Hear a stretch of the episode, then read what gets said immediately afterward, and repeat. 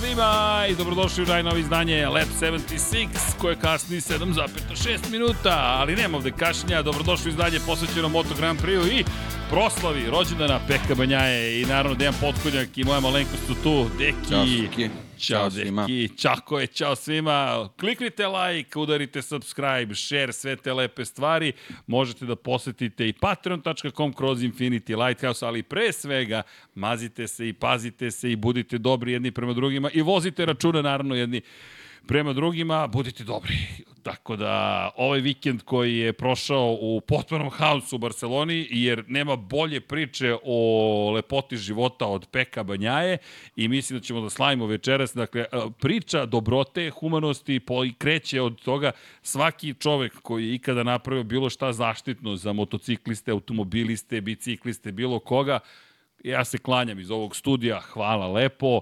Peko, ne znam od čega si sastavljan, ali ja bih te poslao majci da kažeš mama više neću da vozim i nego sam rešio da idem u penziju, ali za one koji ne znaju Peko Banjaja, auto lansiranje ne znaju i dalje u Ducatiju zašto se i kako desilo. Odmah smo uskočili u te stvari, odatle moramo da krenemo. Doći ćemo do istorijske dvostruke pobjede Aprilije, Aleša Espargara u Barceloni, prvog plasmana na pobjedičkom postoju, dvostruke pobjede zapravo, ali dve dvostruke pobjede. Dvostruke pobjede za Aleša u sprintu i glavnoj trci velikoj nagradi i dvostruke pobjede za njegovog klubskog kolegu koji je na poziciji bio broj 2 Maverick Vinales i Aleša Espargara u glavnoj trci i najveća pobjeda od svih Peko Banjaja koja na štakama izlazi iz bolnice i kaže vidimo se u Mizanu. Šta pri pričaš i zašto to pričaš, ali vidimo se u Mizanu, Peko, jedva čekamo te vidimo. Ljudi, Brad Binder mu je pregazio preko nogu, ko to nije gledao, sada možemo da pričamo, deki, moram ti priznati, za mene stvarno horor, ovako sebično krajnje. Džanki ja smo se pogledali i previše uspomene imamo loših iz nekih drugih situacija kad je krenuo da se vrti u krug kao čigra. Pa ti, uh. ne, znam, ne znam u stvari, ja sad ono dele kao da je par sekundi, možda samo jedna bila, trenutak da se vrti i ona najgora neizvesnost da li će neko da, da ga ne vidi, da, da naleti ne, ne, ne na udove, nego ne smem ni da izgovorim. Da. Tako da, ovaj, i ono što se desilo baš bilo onako prilično jezivo i, znaš, kad u prvom trenutku ne možeš ni da prepostaviš šta je moglo da se desi, a ovaj, znaš o čemu se radi, o, o, o, kakvim snažnim mašinama, o, o kakvim teškim mašinama, onda stvarno bilo je... Spuštenim bilo je, mašinama. Da, da, dobro, u tom trenutku da. da Ti već naoružavaš, da, KTM, jest, jest, pripremaš. Baš je bilo ovaj, jezivo. Jezivo i ono, taj, ti neki trenuci stvarno su onako ne, ne volim kad se desa, mislim, ne, ne volim jednostavno niko i najgore to iščekivanje da vidiš da li je sve okej. Okay. A sve to dolazi 2,5 sekunde, pošto smo imali pet vozača u šljunku krivine broj 1, gde je Nea Bastianini promašio prosto tačku kočenja, izgubio kontrolu motociklom, uleteo u Zarka, koji potom uleće u Becekija, koji potom uleće u Fabio Diđan Antonije, ne u Aleksa Markeza, pa u Fabio Diđan Antonije, kako god, Ma, ih petoriša u šljunku. Nije on ulet, nije on uleteo u Fabio Di Antonija, posle se vidi njega je Fabio Di Antonija udario od pozadi. Da, i... Diđa koji zapravo nailazi na njega. Neki, baš su se loše uspomene javile. Kad, ja sam to tek video u uspornom snimku sa kamerom od pozadi, u stvari. Slomljen članak desne da, noge. Ali, I, jel desne ili leve? Mogle, leve noge ili ne znam, prst leve ruke? Nebitno, zaista. Ovaj, ali moglo je to mnogo, mnogo gore da bude. Što, ali posle svega toga mi bukvalno nismo ni videli incident zapravo Peka Banjaje, samo vidimo da, se on, da, da on pada, jer kamera prebacuje u momentu kada je on lansiran i vidimo iz drugih perspektiva trag od jedno 20-30 metara zadnje gume, gde su pogledali Davide Tardoci, menadžer Ducati, je rekao, ljudi, svi podaci govore u prilog tome da Peko ništa drugačije nije uradio nego u prethodnim krug, nego u, ne prethodnim, ali početak je trke, ali generalno kada se priprema za taj deo. me posetilo? Na što? Na dvotakno lansiranje. U, jeste. Kao da si na 500 i kao da tu kad jednom pobegne, to je to. Kao, kao da je ostao bez elektronike potpuno. I upravo to, kao da kontrola proklizavanja više ne funkcioniše, tako mi je, Tako mi je delo, da, da. Pri čemu on da. sam rekao, Tardoci je rekao da Peko lagano počinje da dodaje da. gas. Nije ono Neverovatan ugao je, zadnji gume bio u trenutku kad smo gledali taj kadar od napred koliko je ona otišla, otišla, otišla bočno, kao, kao dvotakno. I to je moment kada zapravo guma ne prijanja, i onda u jednom trenutku uhvati. uhvati, da, I da, to je da, moment, da. obično se to zove off throttle high side, kada vozač po, po, dodaje gas, počinje da. Da. gubi kontrolom, smanji gas i kada ga smanji da više ne dodaje gas, u tom momentu toliko se smanji snaga na zadnji točak, da guma koja je do tog momenta proklizavala, odjedno više ne proklizava, nego ima potpuno prijanjanje i svu silu samo vrati na motocikl To je ona priča iz tih 80-ih, ti ljudi koji smo mi u stvari voleli, zbog kojih smo zavoleli sve ovo, gde kažu da, da koliko uživaš u vožnji 500-ki, to jest dvotaktaša, i onda ti se kaže u milisekundi zgadi ceo život i bukvalno se u tom trenutku plašiš da više sedneš na taj motocikl.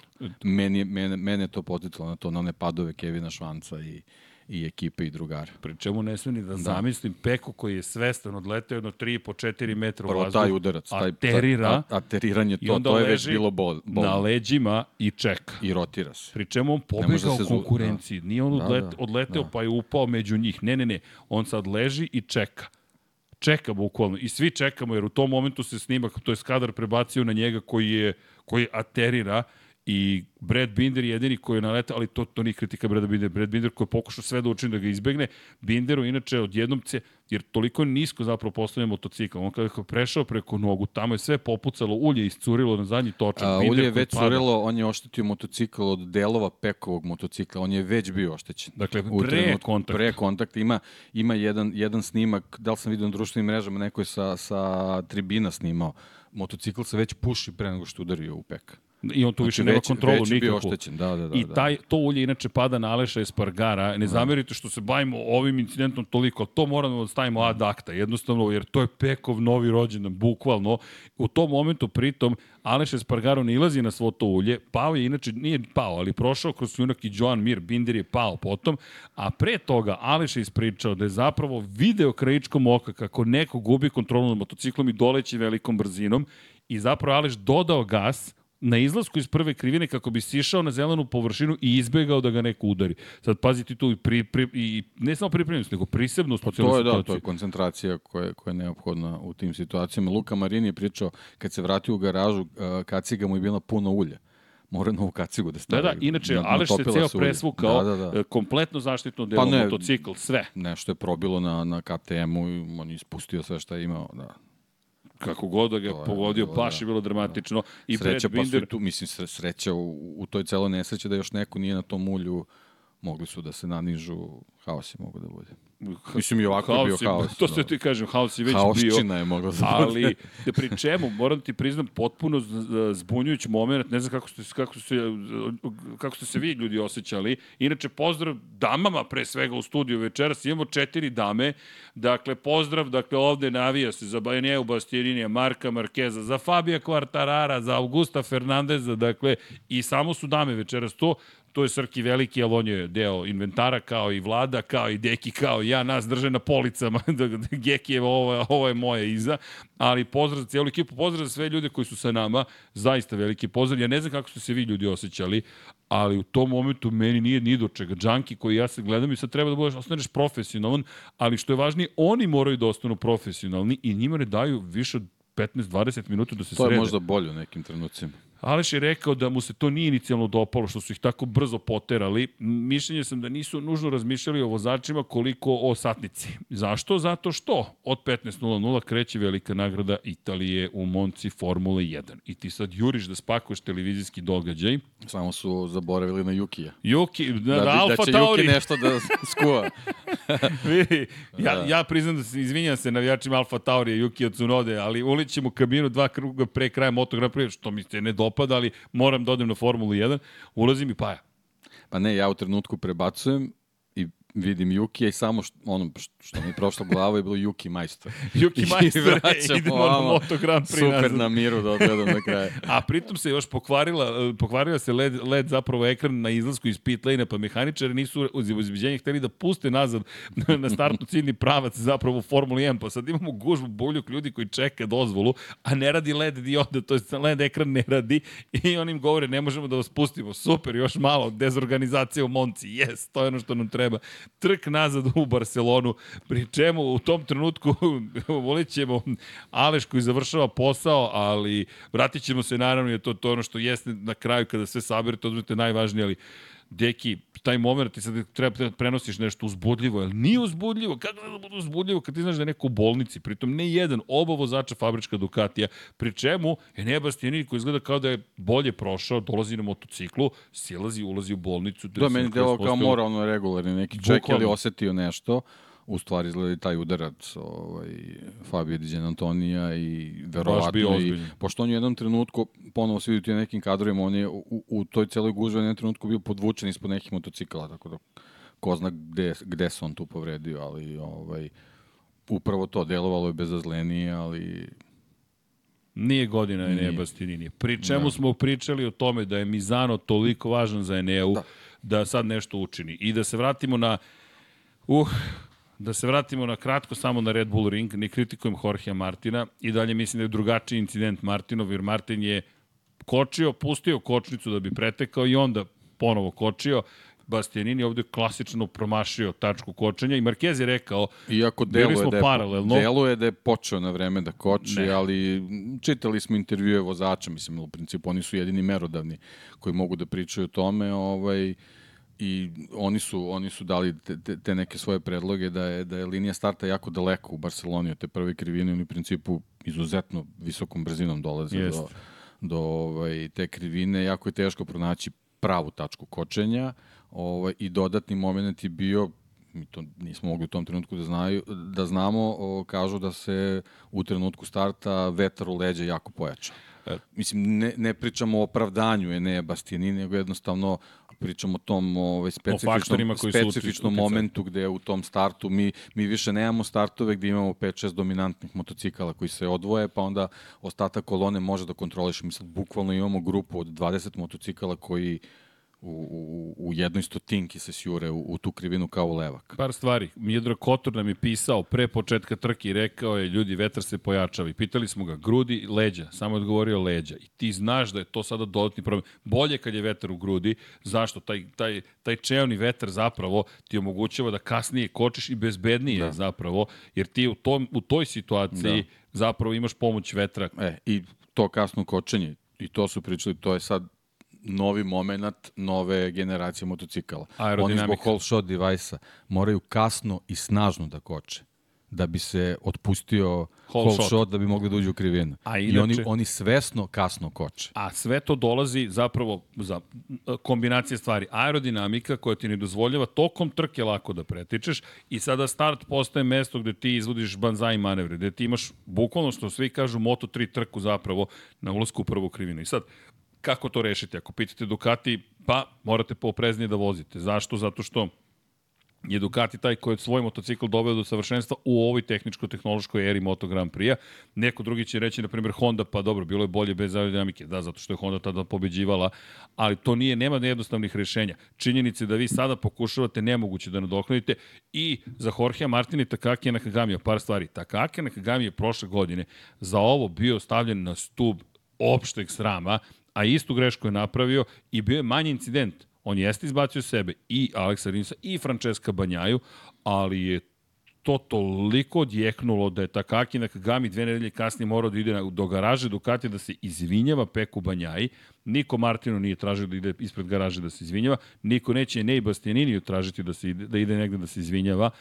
Ali iz perspektive Moto Grand mi smo sad u jednoj novoj fazi, zaista novoj eri. Inače, Marquez za Eneo Bastianini je rekao, bili smo paralelni i video kada sam krenuo da kočim, video sam da je kasnije, da je ma, samo kasnije zakočio i bio sam u fazonu, bukvalno to je rekao, ok, ovo će biti zanimljivo, da li će se zaustaviti. Jer da. Marquez u tom momentu već zna i Jack Miller je takođe rekao, kada sam video kako počinje da mu poskakuje zadnji kraj, da, on je jedan trenutku bio okay, samo na prednjem točku. Da, da, da, baš je na prednjem točku na samo bio. Na prednjem točku i to i Zarko rekao, ovaj, da, da, pošto on bio tu, da je tu zbog tog vetra u trenutku mnogo peska i prljavštine došlo, tako da milion faktora se tu izdešavalo. I, Još je to nizbrdica, kao što kalkulacija je govorila da će nešto se desi. Nisu mogli da prođe. Bukvalno, pri da. čemu ti sve razmišljaš, da. ma samo da Ali prođe. Ali poenta je što sve to što se izdešavalo apsolutno nema veze sa Pekovim incidentom. Peko koji pritom je pobegao svima i već ima prednost, ima do 15-20 metara prednosti, a znamo, ako hoćeš pobedu, pobegni na startu i ti sad dolaziš do opet još veće većeg rizika iz te perspektive. Nema sada bežanja u drugom, trećem krugu. Ranijih godina, prvi krug, ajmo da vidimo ko će da zauzme koju poziciju, pa ajde u drugom, trećem krećemo u poteru, krećemo, ne, ne, ne, ne, ne, ne, ne, ne, ne. Prvih 300 metara mi smo već krenuli u, u, Pa u punu nema, akciju. mislim, ili ćeš da nadoknadiš 5-6 pozicija ili će ih izgubiti.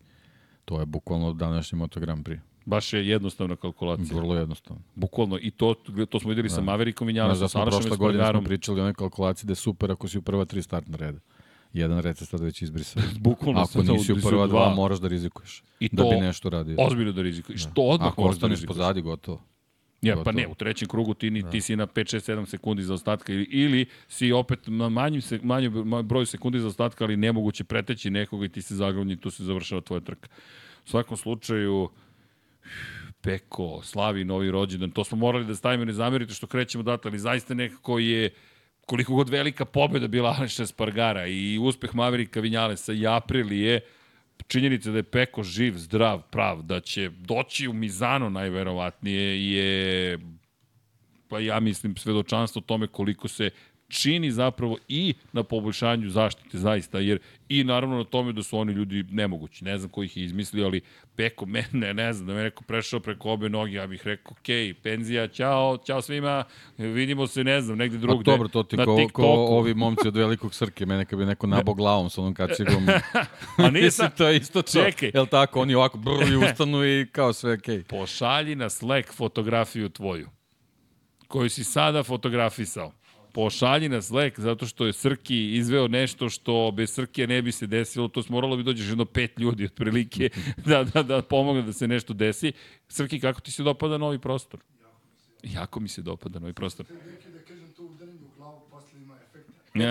Pa vidi, ovo će ima imati sigurno. posledice, da. I ovo će imati. Znaš da kad su radili sken da su mu našli povredu za koju nisu sigurni Stara da li je. povreda, da, da, da. da. E, to ti je to, to je to. ne, to je ono, odiš kod lekara, bolje nema, ko zna šta će tamo da ti pronađe i iz koje decenije, iz koje godine. Inače, Srki, pogledaj mu, mu vidiš badge, Vidim, nit većeg vidim. čoveka, nit manjeg bedža. I nešto mi je rekao, morate ovakvu majicu da napravite. Ma nema problema. A logotip je otprilike ovolitski, dakle, 99 yardi, ali neka. U svakom slučaju, da, e, da, da iskoristimo priliku. 9 i 9, to je subota sada. Dame, pozvane ste sve.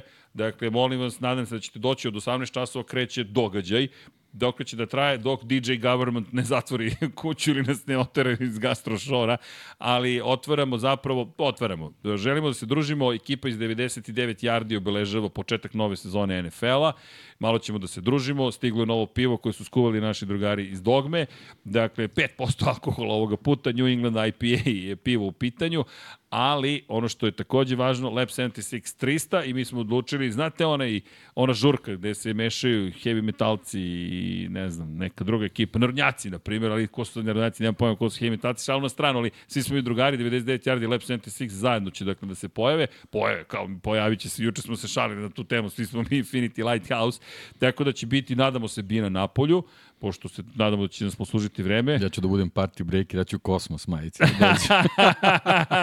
E, rekli smo, neko mora predstaviti kosmos. Paja mora da uvuče onu pod kapicom. Ima onaj Da, da, da, jedini ima da, polon, jedini da, gospodin. A i gospodin on samo jedini da. nosi polo majice. Mislim, imam i ja pola, samo nešto se skuplja sve više.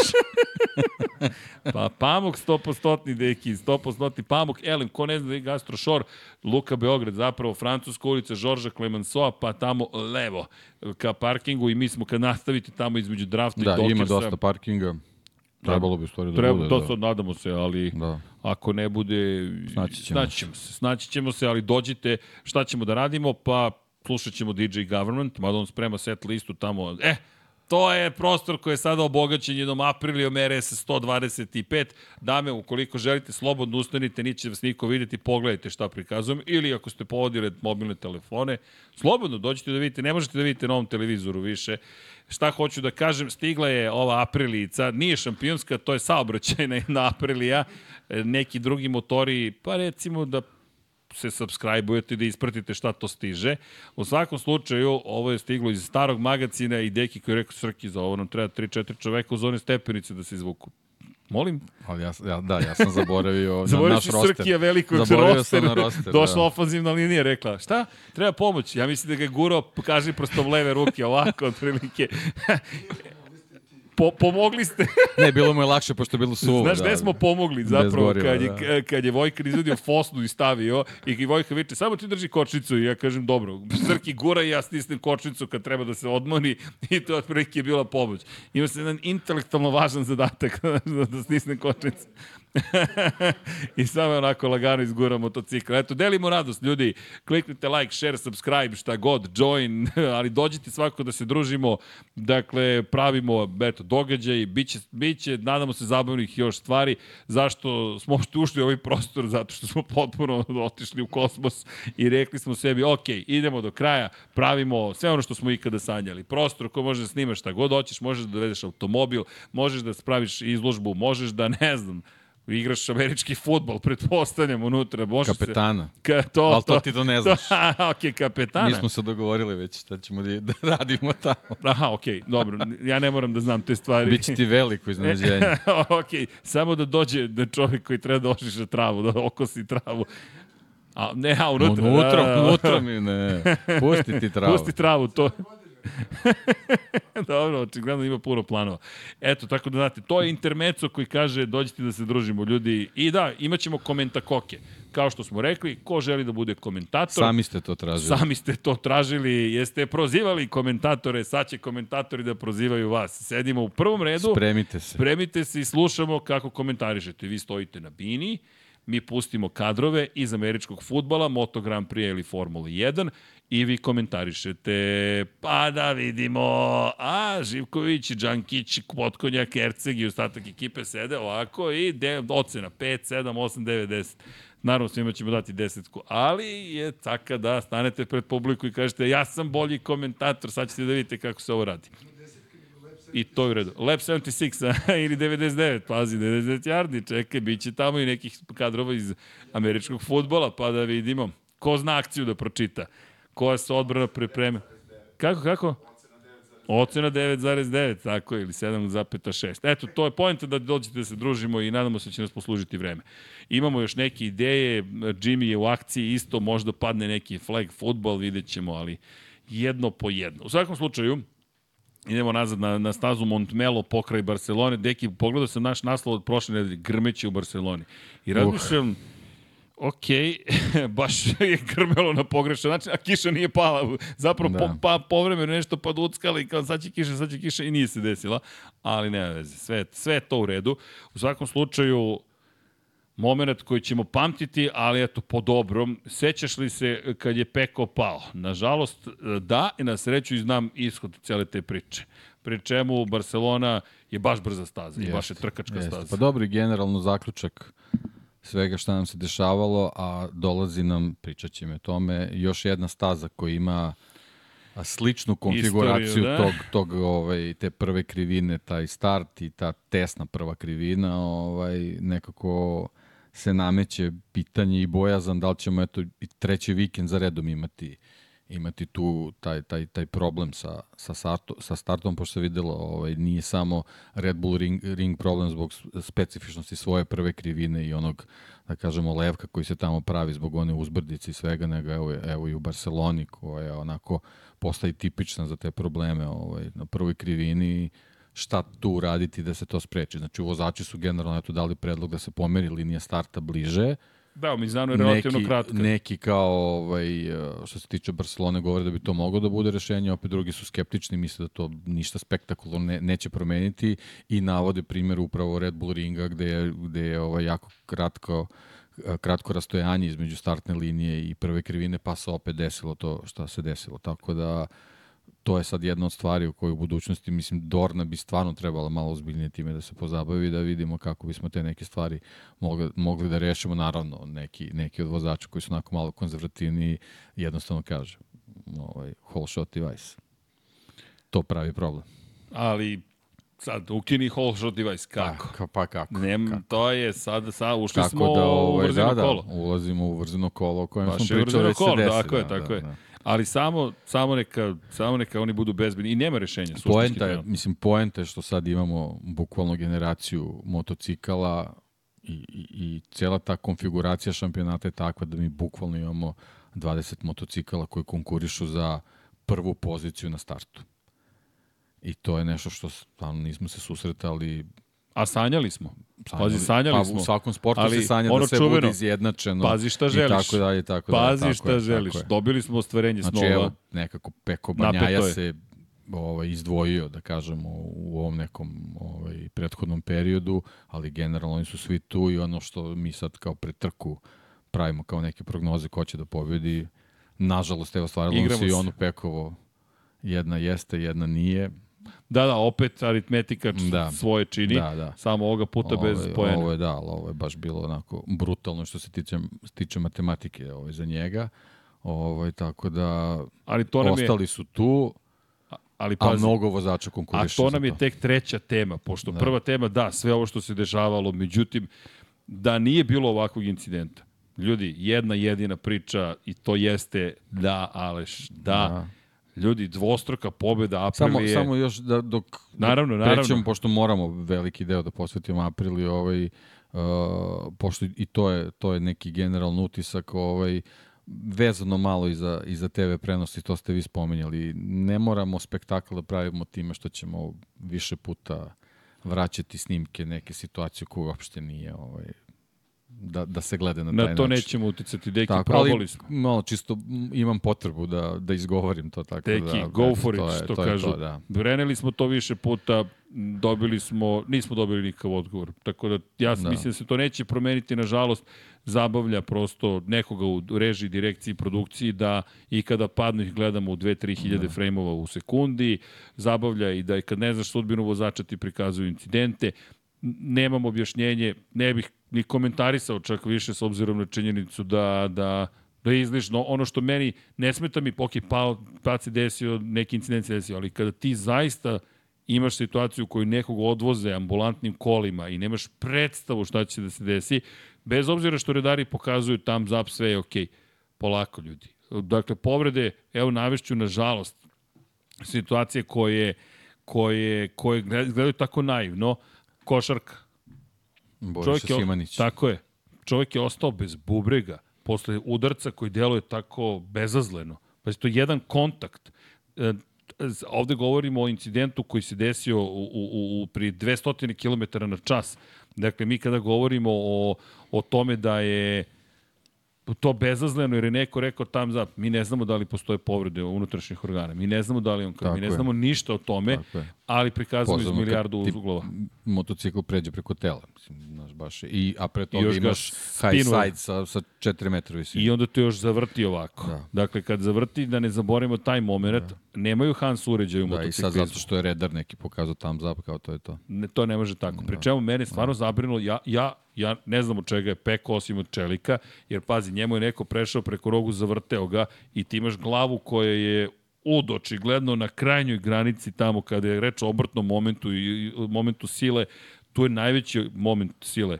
I ti imaš čoveka koji se vrti, njegov vrat je, njegovi mišići vrata su sve to izdržali. Ja se iskreno Nije tu bio na žurkama na Ibici, vidiš? Na, Vidiš? nije treniralo se ozbiljno. A napao si ga. na, na, nisam ove godine, prošle godine i ove godine Fabio bio na žurkama na, na Ivici, samo da se zna. Ali ne, pomislio sam, ovaj čovjek zaista, i to je sad potvrda opet, kako se pripremati i trenirati, jer za razliku od automobilizma ti ne možeš da staviš Hans uređaj koji će ti drži glavu stabilno. A redko doživljaš ovakve incidente.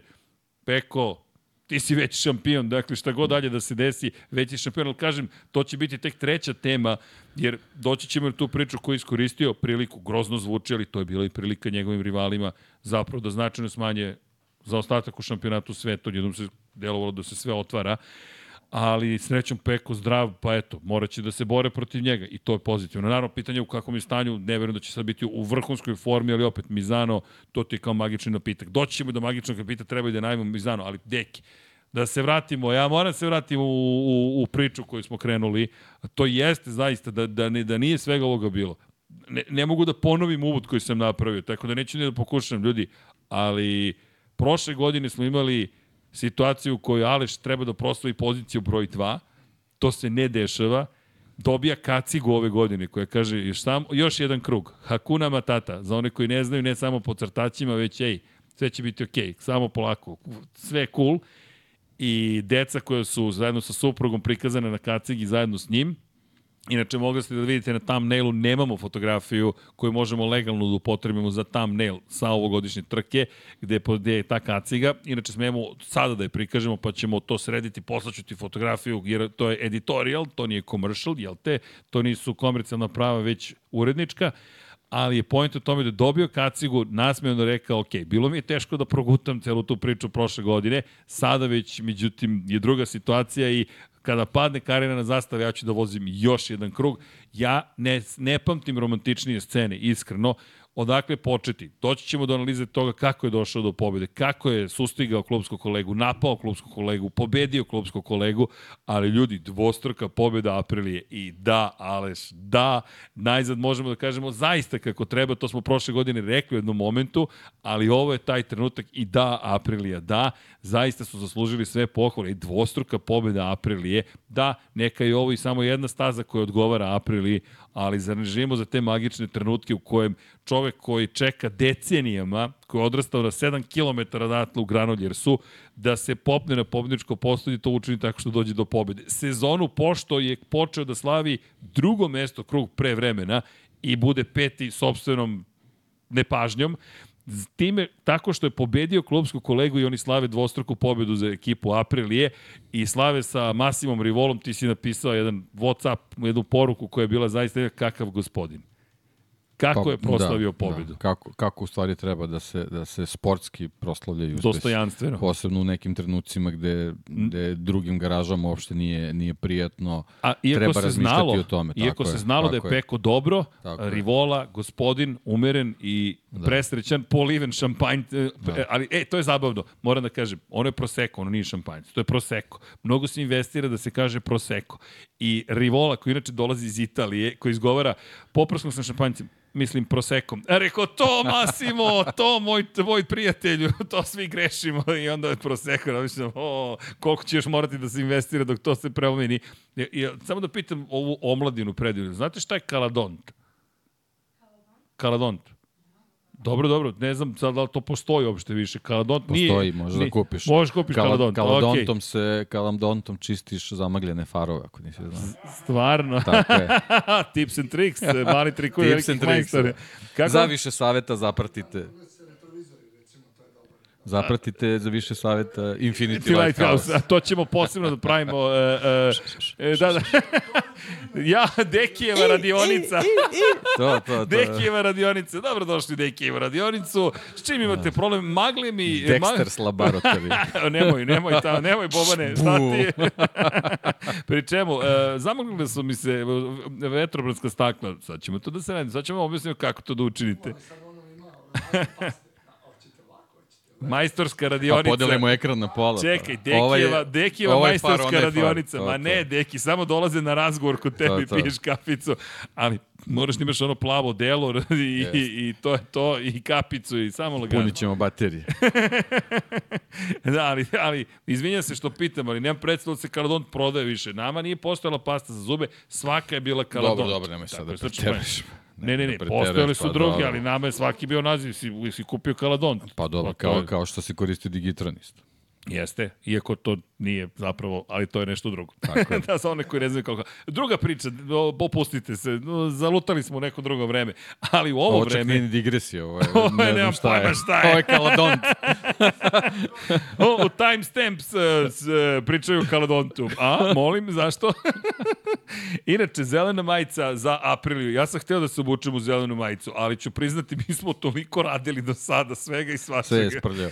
Sve se... Očistio sam makar motocikl, čekaj, samo se ne vidi zato što je do ovde bio retro, rezervoar, tako da, da ovo majica što je prljava. Ja sam znao šta me čeka, pa sam i danas bio u kosmos majica. To, crna majica. pa video se. Da, ja. inače, da, preporuka topla, mada u četvrtak uveče se seče trava, trava, ono čudo ispred, ne bi trebalo da bude komarac, ali ćemo mi reći ponesite neko od sredstava za borbu protiv komaraca, dakle, jer ih ima. Mi, da, čisto da znate. Biće ih manje, ali Ali, Biće ih. super smo domaćini, pozivamo ljudi, onda im kažemo, ali da znate, bit će puno komarac. E, baš vam hvala. Znaći ćemo se. U svakom slučaju, Aprilija Deki baš je uradila ne lepu stvar, nego, ma ne Aprilija, Aleš, Maverick, Massimo Rivola, Romano Albesiano, ima tu mnogo priča. Alešova Lorenzo je, Savadori. Lorenzo Savadori je, ali Alešova je najpoznatija. Pogotovo iz te perspektive, ali samo bih da genezu tog tima samo, samo prođemo. Aleš Espargaro u Suzukiju dobija novog klubskog kolegu koji se zove Andreja Janone. Davide Brivio, tadašnji šef Suzukija, sa Janonem potpisuje ugovor, što je izuzetno redko. To je jedini ugovor za koji mi znamo u kojem piše ko je vozač broj 1. Brivio prihvata da Janone, koji ima, koji ima inače manijak naziv, inače voziće od sledeće godine ponovo u šampionatu sveta Superbajku za neku od privatnih ekipa Ducatija, dobija ugovor u kojem piše da je on vozač broj 1. Aleš Espargaro to saznaje kako? Tako što Janone izjavljuje ja sam dobio ugovor u kojem piše da sam ja vozač broj 1. Aleš Espargaro koji nikada do tada nije imao fabričke ugovore, pre toga moj klubski kolega bio Maverick Vinales, kaže ok, ja odavde odlazim. To traži mnogo hrabrosti, ali i samopoštovanja. On odlazi u Apriliju koja u tom momentu tek započinje svoj suštinski Moto Grand Prix program. Inače, spomenuo bih Paul Bird Motorsport i Paula Birda, koji je preminuo prethodne nedelje. Zašto? Iz nekoliko razloga. Paul Bird je bio legenda britanskog šampionata, Moto Grand Prix-a, svetskog šampionata u Superbajku, čovek koji je vodio tim sa, imao je samo 56 godina kada je preminuo, Paul Bird je danas zaboravljen, ali on je bio deo Moto Grand Prix cirkusa između ostalog. Mi ne želimo da ga zaboravimo, smatramo da zaslužuje da ga se prisetimo i postoji veza. Paul Bird je koristio apriline motocikle. Koje? Superbike motocikle u periodu kada je to bilo dozvoljeno, takozvani Claiming Rule Teams, CRT timovi, davno beše pre 10 godina, i želim prosto da se izgovori ime Paula Birda, zaista slava mu, čovek koji je prerano otišao, ostaje iza njega zaveštanje u vidu njegove ekipe i svega što su zajedno postigli, ali u Moto Grand Prix čovek koji je radio sa Aprilim. April je od tog programa Superbike krenula dalje da razvija nešto što se danas zove Moto Grand Prix. Niko, apsolutno niko nije verovo da će Aprilia ostati u šampionatu, kamoli biti toliko posvećena da postane pobednička ekipa. Aleš Espargaro dolazi u taj tim, ja se bukvalno naježio, dolazi u taj tim, ali bukvalno, i kaže, ja ću da vodim ovaj projekat. Ko si ti, nemaš jednu pobedu u karijeri, nikad nisi imao fabrički ugovor, nisi vozio 250-icama fabrici, nisi u Moto2, svoj, tvoj mlađi brat je osvojio titulu šampiona sveta Moto2 klase. Aleš kaže, ja ću da radim više nego ikada, iko, ne, a mi ćemo doći do vrha počinju da napreduju. Romano Albesiano, međutim, dovodi koga, pošto je postao šef ekipe, dovodi Andreju Janonea u Apriliju. Pazi sad tu agoniju. Andreja Janone te otarao iz Suzukija, on te prati u Aprili. Romano Albesiano kao tehnički direktor postaje i direktor ekipe, ekipa se raspada. Bukvalno se sećam Romana Albesijana 2019 ili 18, ne sećam se koje godina, u Brnu, mislim da je 19. jer je došao posle toga Rivola, kako bukvalno prazni karter i on je kao tehnički direktor čovek koji glumi mehaničar. To je danas pobednička ekipa Aprilije. Massimo Rivola, međutim, dobija ponudu, Pjađu grupacija kaže, mi hoćemo ovo. Šta povlače, koji potez? Ducati V2.0 ili ti, ok, nama treba Luigi Dalinja. Nemamo ga ovde, ajmo u Formulu 1. Ko vodi Ferrarijevu vozačku akademiju, trkačku akademiju? Massimo Rivola. Rivola koji dolazi iz mnogo kompleksnijeg šampionata uz dužno poštovanje Moto Grand Prix i počinje da postavlja stvari na svoje mesto. Romano, ti si tehnički direktor. Aleš, ti si naš kapiten. Dovode, Lorenzo Savadori je taj koji je dobio priliku da vozi. Zašto? Joe Roberts je odbio da dođe u Apriliju. to je ceo, moj komentar je ovo. Ko sluša na audio platformama, stavio sam ruku preko očiju čovek odbija da dođe u Apriliju. Svi odbijaju da dođu u Apriliju. Zato je Alešov uspeh još veći. Svi su odbili, svi su rekli neću da idem u Apriliju, vi nikad nećete uspeti. Šta se dešava pored toga? Maverick Vinales polako ulazi u sukobe sa Yamahom. Ulazi u agoniju. U agoniju. Kakve sukobe. Sukobe. Pri čemu 2020. mu polegravaju na Red Bull ringu lete motori, kočnice otkazuju, sam je stavio manje diskove od preporučenih, baca se s motocikla na 200 km na čas, zajedno s Valentinom Rosim prolazi kompletnu agoniju, haos kompletan, 2021. rešava na tom istom Red Bull ringu da malo jači gas da, na kraju trke, Yamaha ga otpušta, iako je trebalo da bude njen šampion, Aleš Espargaro kaže, dovedite Maverika to Aprilia, Vinjalesa. bro. Come to Aprilia, bro. Bukvalno, Tebra, Gido, vamo da radimo posao. Bukvalno mu je rekao, Tebra, dođi. Tebra, dođi. I evo ga Batica, što bi rekao Miksa, na poziciji broj 2. Dakle, i njih dvojica slave dvostruku pobedu. Istorijski rezultat ostvaren mnogo pre nego što Ducati to uradio. U kraćem mnogo vremenskom periodu. Da, mnogo, mnogo. Manje kraće. resursa. Da. Manje investirano bilo. Filip Morris je dao ja banku je dao da da pomogne Ducatiju da uđe u šampionat i onda da se održi. Lenovo je srećem crven dosta pa je nasledio to, to sponzorstvo.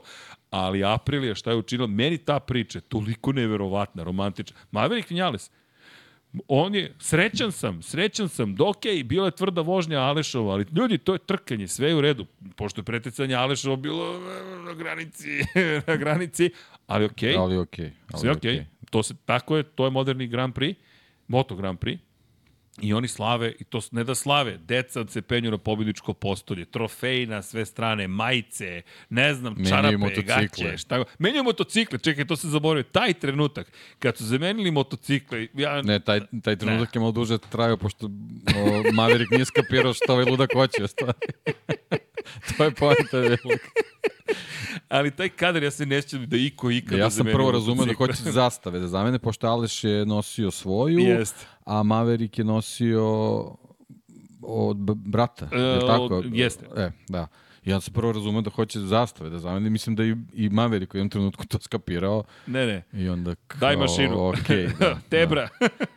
Ja sam u Menjamo trenutku pomislio, rekao da li je moguće ti- da će ih kazniti zbog toga ako slučajno Park Fermeu ne dođu motocikli na poziciju. Zamisli trebaju, da pošto- su ih kaznili. Ne, ne, po nekom... Pra... FIA bi ih kaznila. Ne, ne, Da. Formula 1 bi ih kaznila 100%. 100%, Dakle, ne 100%. 100% bi ih pozvala na razgovor.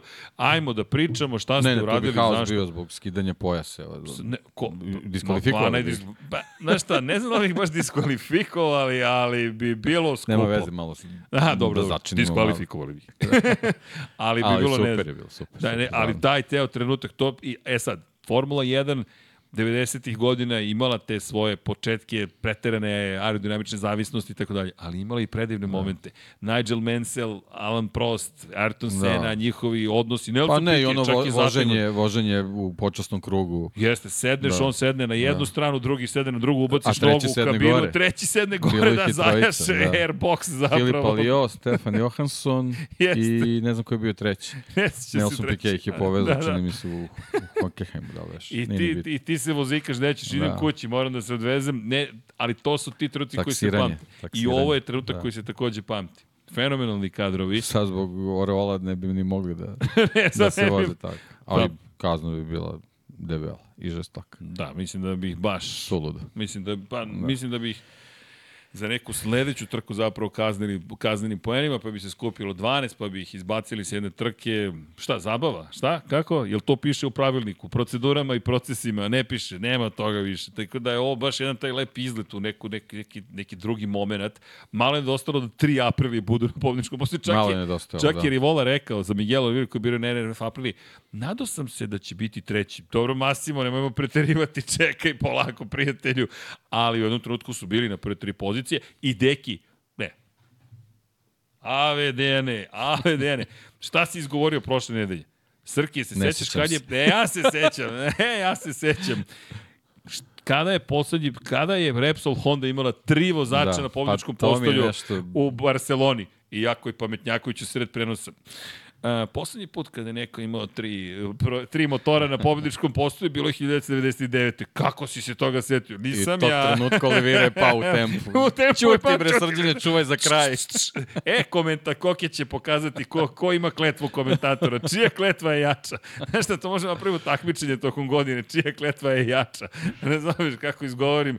Vidi, ja sam eliminisao Kolina Vejera, prošle nedelje sam eliminisao, eliminisao Koga sam eliminisao? Um, Gonzalesa, Manuela Gonzalesa, sad sam Kolina Vejera rekao, pol pozicija, pol pozicija ono jutro, srđane, halo, probudi se, nije, nisu kvalifikacije, pol pozicija i odustaje od kvalifikacije, nema, nisam mogu da verujem. Rekao. Još napiše Tošića, mislim, na, na, na Twitteru, e sad ovaj, Vejer sigurno 18. I da, Zvanično je bio 18. Ali okej. Okay. Ali, ali taj trenutak, 3, 3, 3 aprilije na pobjedičkom posledu, razmišljam, deki, deki, deka deki. dekadeki. Decadence kri-. Deka, dekadencija. Dakle, imaš kristalnu kuglu i razmišljam samo čoveče, ej, gledali smo prošle nedelje njih trojica u Repsol bojama i sada 3 aprili, potencijalno na pomoćkom neverovatna scena. Ali, prosto, Oliveira, vidi se razlika u tom motociklu i vidi se, mada je Rivola rekao, treba još vremena.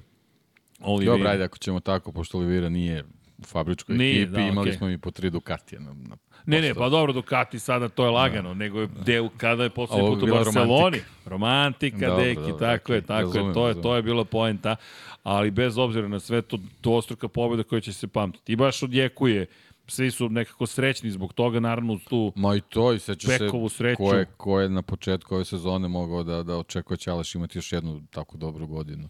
Polako, Polako, gradi, polako, polako. stiže, tu je, da, super. e pa evo, super. čitam jedan, jedan od komentara. Komentar je Aprilija prošle godine od početka do polovine i onda pad. Sada Da. od druge polovine polako kreće uspon Aprilije i sve bolje to izgleda. Pazi, neki, dve pobede u tri trke.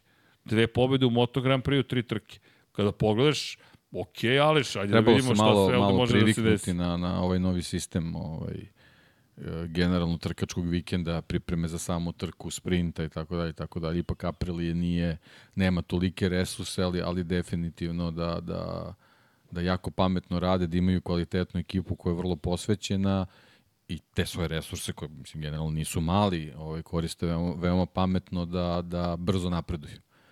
I to je to je ovaj taj ne, neki novi kvalitet koji smo dobili u Moto Grand Prix, a posebno ta ta čitava organizacija koja meni fenomenalna zaista. I dodaj na to da testiraju genična vlakna, ne znamo šta spremaju za sledeću Da, da, godinu, nego svojim putem ono, nekim. da, da, ne, ne, neka svoja avan- avangarda. Da, i to ono što pričaš Ne na početku godine. ne prepisuju. Ducati inspiriše ostale, Aprilia inspirisala Ducati. Jer Ducati je kopirao Apriliju.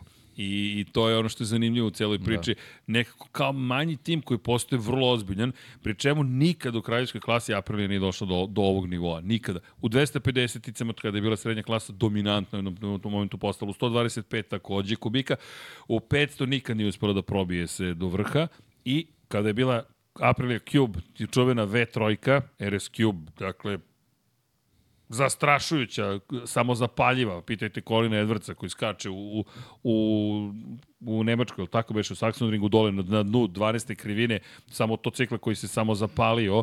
Imate sada jednu, jednu mašinu koja je spektakularna i ne samo to, nego inspiriše, kažemo, one koji su vodeći u prvenstvu sveta. I iz te perspektive zaista velik dan. Inače, Aleš je sada peti u prvenstvu. Aleš je skočio na petu poziciju. Dakle, sledeća meta za njega, Brad Binder. Brad Binder koji ima samo 12 pojena više. Ali naj, mislim, uh, nezgodna je stvar, ali meni je jako simpatično, mislim, ono i smešno je, uh, što je Aleš, uh, što je Maverick Vinales prvi vozač koji je dobio upozorenje zbog tehničke neispra, neispravnosti pritiska u gumama. Ali znaš zašto? Zašto? Zato što u aprili uopšte nisu kalkulisali da će on voditi na početku trke. Oni su računali da će on pasti negde pozadi, da će biti u gužvi i da će pritisak biti okej. Međutim, on je neverovatno dobro startovao E, i ne pritisak jednom, je ostao nizak zato što je bio prvi. ali eto ti, uh, št, kako je to, komentatorski blagoslov. Da. Dakle, rekao sam sigurno pada na 10. 11. poziciju, op, evo Eto, njega. vidiš, No. To su i oni mislili. To ti kažem, dakle, i radi works both ways, dakle, radi u oba smera. Tako da sad moraju, moraju da paze ovaj, sa kalkulacijom za, za Mizano. Jer ja mislim da je sledeća kazna već povlači one, one sekunde, ono što Jeste, te već jeste. treba se dobije. Jeste, ali Da. ima, ima, tu, ima tu sada i druga teorija. Jedna teorija, čak mislim da se spomenula u četu, a to je, mislim, prošle nedelje, ove nedelje nisam video, pokušao da pratim sve, ali ne stižem baš da, da ispratim sve što se komentariše. Jedan od komentara je bio da li je Aprilia zapravo sada u povlašćenju, ne povlašćenu, u boljem položaju, zahvaljujući činjenici da u Ma- Maleziju predsezoni testirala kao da će pravilo merenja pritiska važiti od samog početka sezone, a ne posle osam trka. I to je stvar na kojoj smo To pričali. je ta posvećenost, ozbiljnost u pripremi, u razvoju i tako dalje i tako dalje. Lepo je vidjeti. Niko, u svakom niko ne može da pomisli da je Aprilia bila ta koja je nametnula neka pravila koja je znala pre ostalih. To, to mi nekako nije, ne, ne, Ne, ide ne, mi uz, su- uz Moto Grand Prix i ovaj, neke nove ekipe koje su se pojavile. Neko drugi treba da diktira to. Tako da, Pa pazi, ako ćemo pravo, April je tako ispratila zapravo pravilnik, možda i najbolje, samo što nije možda znala, ili je to potvrda da su neki drugi znali unapred šta će se događati. Sami zaključite, ne bih ja da ništa tvrdim da. ili insinuiram, ali Aprilija pobeda, Maverick Vinales pozicija broj 2, drugi plasman na pobedničko postolje ove sezone za Vinjalesa, treći za Aleša Espargara u četiri trke, pričamo o nedeljnim trkama, treći prvi, deveti u Austriji i prvi sada, pri čemu dvostruka pobjeda. I u sprintu pobedio Peka Banjaj. Dakle, da ne zaboravimo i taj moment. Francesco Banjaja... Pa ja mislim da je taj moment možda razlog Pekovog ovaj, pokušaja bekstva. forsiranja i pokušaja bekstva. Da. I, Upravo to. I, I kada pogledaš Apriliju na kočenju, Aleš je zaista celoga vikenda izgledao izvrsno na kočenju, sve pohvale. Ne znam, deki, da li nešto još možemo da dodamo za Aleša Espargara, ali ja sam i dalje oduševljen čovekom, sada ima tri pobjede pa, u karijeri. Pa nema šta, maksimalni broj bodova na jednoj trci, to je stvarno, ovaj, nemamo mnogo vozača ove, ove sezone koji su imali to ostvarenje. E, on je, za mene on zaista fascinantan. Čovek, sportista, motociklista, kako god. Dakle, prošle godine ti uspesi koje je zabeležio kao inspiracija, kao čovek koji u četvrtoj deceniji koji je preokrenuo svoju sudbinu, bio hrabar, odbio da, da bude u Suzuki-u neko koga tretiraju na način koji on smatra nedostojnim. Pazi, to je ozbiljan potez, ti kažeš jednom Suzuki u koji u tom momentu deluje mnogo, mnogo, mnogo bolje od Aprilia. Aprilia je u tom trenutku ekipa koja ako osvoji neki poen, super, međutim on kaže ne, ja idemo u Aprilia. Pazi, to je bilo 2017. 17. 18. 19. 20. 21. druga, treća, 7 godina on već u Apriliji. To je ozbiljan proces, pri čemu najbolji plasman u toj prvoj sezoni je bila šesta pozicija. Da, ali znaš, to, to treba posmatrati i, i, i sa druge strane te, te ovaj, relacije. Ovaj, April je prihvatila da u njihove redove, znači jednog italijanskog proizvođača, dođe još jedan španski vozač. Činjenica. Poslušala je svog kapitena, kao da, što ti kažeš, i rekao, da, ok, da. nek dođe još jedan italijan, nije problem. Još jedan španac, nije problem. I pazi, prvo pobjedničko postolje Velika Britanija pre dve godine treće mesto, kako smo svi slavili Jeste. Aprilija. Mislim da je čak i na thumbnailu bilo Aprilija na pobedničkom postolju, udilo šta se desilo.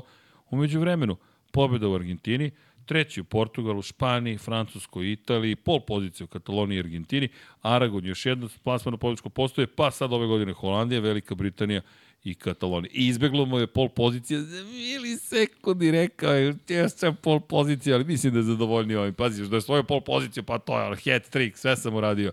Dobro, nije imao najbrže krugove, ali to nije toliko dramatično. Odradio je savršen posao. Pa, Čestit. verovatno je bilo onako bitnije da, da se usesrede da ima dobar trkački tempo za, za veliku nagradu, pa je to možda i uzrok tih, tih nedostatka tih stotinki za, za ovaj pol poziciju, ali generalno mislim da u ovom trenutku niko ne razmišlja o tome. Da, mislim da ne, da se još uvek slavi. Da. A ide se u Italiju. Ali og, ogromna pohvala stvarno i za Aleša, i za Maverika, za Massima Rivolu, ono, generalno za, za čitavu tu organizaciju i kažem pre svega to mene oduševilo to ponašanje koje onako vidi se naravno da, da, da je čovjek presrećan, ali jednostavno ono kontrolisan. Kontrolisano Umereno. i, i ovaj, noge na zemlji i u, u principu ono kao još jedna stepenica je sad, sad ovaj, preskočena, ali mnogo je dalek put do onoga što oni hoće, zna se šta je, šta je krajnji cilj. I tu je sad pitanje da li, da li ova ekipa, da li su tada dva vozača sposobna da ih da dovedu do tog ultimativnog cilja. Samo ću spomenuti rezultate prošlogodišnje velike nagrade San Marina i Riminija. 34. Jel idemo na tu trku ili... Samo, pa Aha. ajmo da miksamo malo, Ajde. mešamo, vidi. Ajmo da miksamo, ajmo da džim, da, da, džimimo. Da, evo da DJ vidi kako se da. ovde, kako se rade prelazi. U svakom slučaju, čekamo Vlado, čekamo subotu.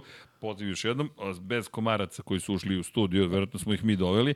34.000 dela sekunde razlike između pobednika Francesca Peka Banjaje i drugoplasiranog Enea Bastianinija, tada u bojama Gresinija. Specijalna boja je bila, specijalna livreja.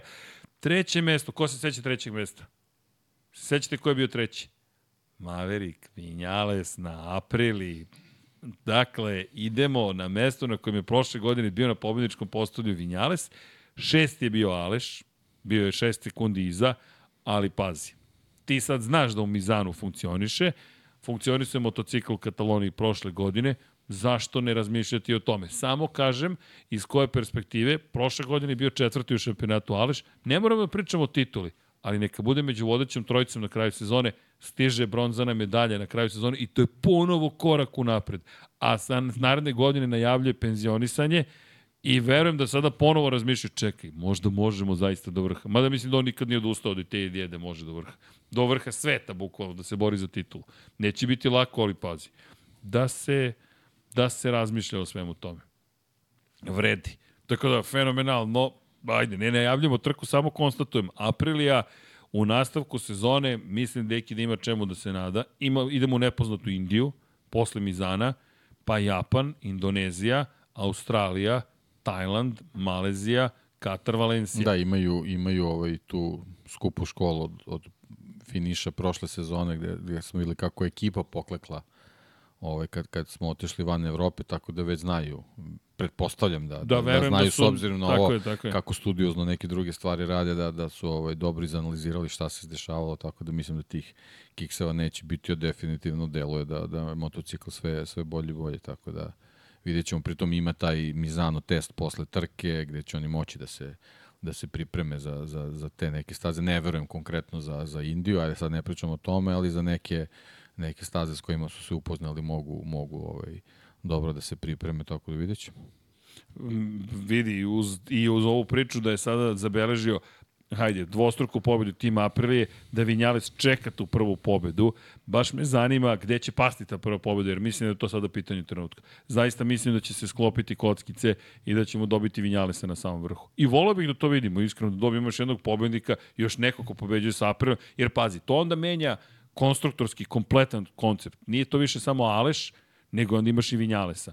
A gde je Vinjales, tu je i Oliveira negde u celoj priči. Pa u principu tako da, u principu da. On, Prva oni, kiša. Verujem da oni, da, oni, oni tu slove kao, kao neki ovaj, aduti ovaj, što se tiče Aprilije u, u, u situacijama kad Aleš eto ne, možda ne funkcioniše kako treba, a oni možda imaju neke druge kvalitete, tako da ovaj, mislim da imaju, imaju dobar sklop da mogu da budu na svakoj trci jaki zadovoljni. Žao mi je što Raul tu nikako da, da, Pokvario da se ukupi u tu priču. Delovalo je da, da na ovoj trci može ovaj, možda još i da napreduje, ali eto, dešava se. Rivola je za taj kvar rekao, to je kvar koji sam se desio prošle godine takođe, nešto na čemu moramo da poradimo, ali još nisu to Ali dobro, to je i taj prošlogodišnji motocikl, bilo bi možda Jeste. čudno da se na novom motociklu to ponovno desilo, ako pošto se dešava na tom na kojem se desilo, ovaj, mislim na toj generaciji, tako da, šta znam, mislim, to je možda eto još jedan način da nauče ovaj, šta, šta može da im se dogodi pa da preduprede. I još jedna stvar, deki, ovo je prva sezona da April ima četiri motocikla.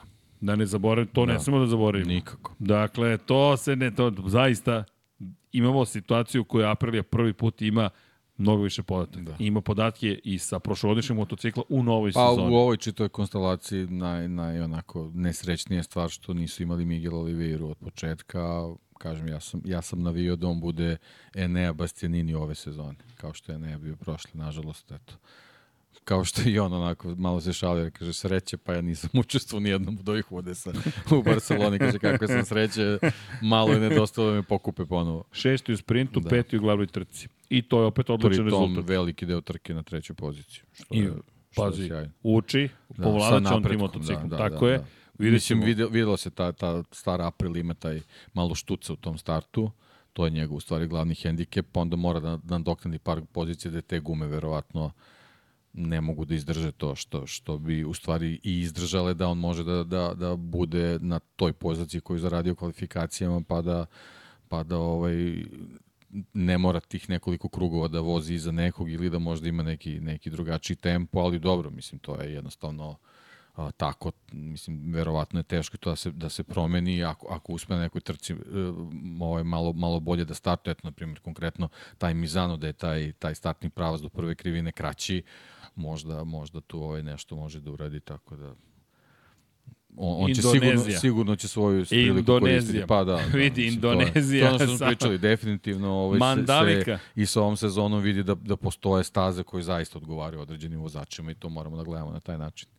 Inače, kada pričamo o, o, o onda, ne samo Mandaliki, mi možemo da čekamo pljuskove i na Tajlandu, možemo da isto pa, čekamo u, u Japanu, može, za Indiju je to možda ne znamo baš kako će biti sad. Možda će biti monsun. Od- Otprilike sve, Australija takođe. Negde će Kao da Miguelu su da, se gađali sklopi. kalendar. Ali sk- misliš da jesu? Da, evo, danas smo nešto komentarisali ponovo. Fasciniran sam i dalje to poslednju trkom sezone, ali to je nešto drugo. E, u svakom slučaju, za Miguela mislim da dolazi bolje vreme. Raul, ne znam šta će biti sa Raulom Fernandezom. Ostaje misterije uopšte i pretpostavka da on zadržava svoje mesto u, u, u, u apriliji, ali moram ti priznati da, da zaista ne znam da li ostaje ili ne. Ima raznih govorkanja, ali ajte, da ne trčimo pred rudu sa šta će biti sa Raulom. O, ono Mislim što... da ni oni neće biti nestrpljivi s njim, posebno zato što ostala trojica isporučuju sasvim zadovoljavajući rezultat. Pa-. Sad je veliko pitanje RNF samo, mislim, da li, da li, Finansije. da li Raul ima, ima tu finansijsku potporu koja bi ga zadržala tu, ili mislim da nema razloga da, da je RNF tu bilo šta menja. Pa poslednja priča... Posebno ako je April je zadovoljan. Da, inače, pa, a, Aprilia je Raula poslala u Goodwood. U svojim bojama. Što ne smemo da To zaboravimo. ne smemo da zove nikako. Poslednji put kada se pričalo o otkazu Raulu Fernandezu bilo je početkom avgusta, kada je RNF zapravo tim rekao da to, to se neće sigurno desiti, ali mnogi su govorili da se nešto neće desiti, pa se ipak desilo. Tako da eto, pratimo, ali ovde bih stao sa Aprilijom, čekamo ih sada u Mizanu, pa da vidimo, u svakom slučaju ime Aprilija sada u Moto Grand Prix-u, veoma ozbiljno, u šampionatu konstruktora, Aprilia je inače na 200 poena, samo 15 poena iza KTM-a, Dakle, bitka za poziciju, ne, 203 pojena, izvinjam se, 12 pojena iza KTM-a, dakle, bitka za poziciju broj 2, ozbiljno se zahuktava, pri čemu Aprilia sad ima dve pobede i jedini je proizvođač pored Ducatija koji ima više od jednog triumfa ove sezone. Honda, zahvaljujući Aleksu Rinsu, ima pobedu u Americi, Yamaha, pričat ćemo o Yamahi, jedan plasman na pobedničko postolje i KTM koji je bio tri puta na pobedničkom postolju, ali još uvek nema pobedu ove sezone. Mislim da je to najveći zapravo nedostatak za Breda Bindera, manjak pobeda, ali dobro, Brad Binder imao neku drugu čudnu trku ovoga puta, tako da što se tiče Breda Bindera, ne bih čak ni tu komentarisao. Brad, koji inače kada je odustao u glavnoj trci, ima neka teorija da je navodno nije ni mogao da vozi, da je jednostavno rekao, ej, dosta, jer se nije znalo stanje Peka Banjaje, otišao odmah u bolnicu da, da vidi kako je Peko. I rekao je, Brad, to mi je najveća noćna mora. Ne da li ćete vi pasti, nego da li ćete vi nekoga povrediti. I rekao stvarno sam, pokušao sam sve da učinim da izbignem, nisam uspeo u tom. U svakom slučaju, Binder bez poena, isto kao i Peko Banjaje, što me dovodi do pozicije broj 3 Jorgea Martina, koji je, pazi, odlično odvezao u završnici. Opet, nije uspeo do pobede, ali posle tri trke bez plasmana pobedničkog postoju u nedelju trci, ovo je ozbiljan rezultat 16 poena. 50 poena zaostaje sada za Pekom Banjajom. Ne znamo kakav će biti Peko u Mizanu. Jorge ima priliku tu da i dalje napadne. Pa dobro, da, Jorge ima priliku, ali eto, generalno ta čitava situacija i te raz, razvoj dešavanja u, u Barceloni pokazuje da eto i, i Peku kad je onako katastrofičan vikend. e, Misliš šampion, prvi, šampionske godine? prvi pratioci, eto, jednostavno ne, ili nemaju sreće ili možda nisu na nekom nivou. Znači, ovo je, ovo je što se tiče pramaka još jedan odličan rezultat, da su obojica vozača ponovo, ponovo u vrhu i oni to su... je ja- treći, četvrti. ispada da su je naj, četvrti. najkonstantniji tim. Kad, kad, kad se ovaj, uh, pogleda ta, ta, ta, taj neki prosek, kad se pogleda taj neki, neki prosek, ali opet, znači, bili su prilično daleko od, od Aprilije, tako da ovaj, kao najbolji Ducati, generalno taj da. vikend, vikend za, za Ducati uopšte ne može da se, da se To okarakteriše kao da dobar. te pitam, kako komentarišeš Ducati? Svi pričaju Ducati, to je nezaustavljiv motocikl i tako dalje. U subotu je samo Peko Banja bio Pa, kako, taj koji je bio da nivou kad se adekvatno. završi 23. možemo da podvučemo crtu i u stvari da vidimo koliko su tih osam Ducatija koje stalno spominjemo kao neku armadu baš, baš tako superiorni. Pazi, Alex Marquez šesti prošao kroz cilj, trenutno deseti u šampionatu. Fabio Di Gianantonio je 16. trenutno u šampionatu. Enea Bastianini je 18. u šampionatu.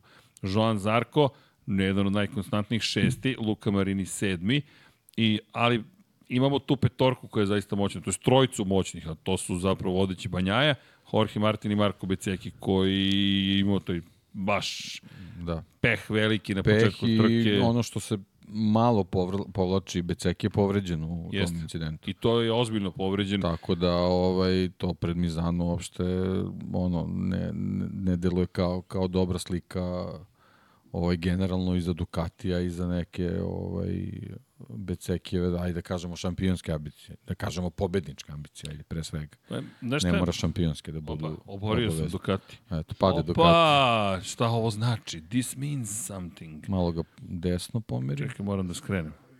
Ko danas, a? Ko danas? Malo desno. Celo, ceo motocikl desno. Tako, eto. Ovako? Pa dobro, da. Evo. Ne bi li ga opet to borio. To je taj čuveni prednji kraj. Sklopio mu Da. se prednji kraj. Sklapa se ponovo.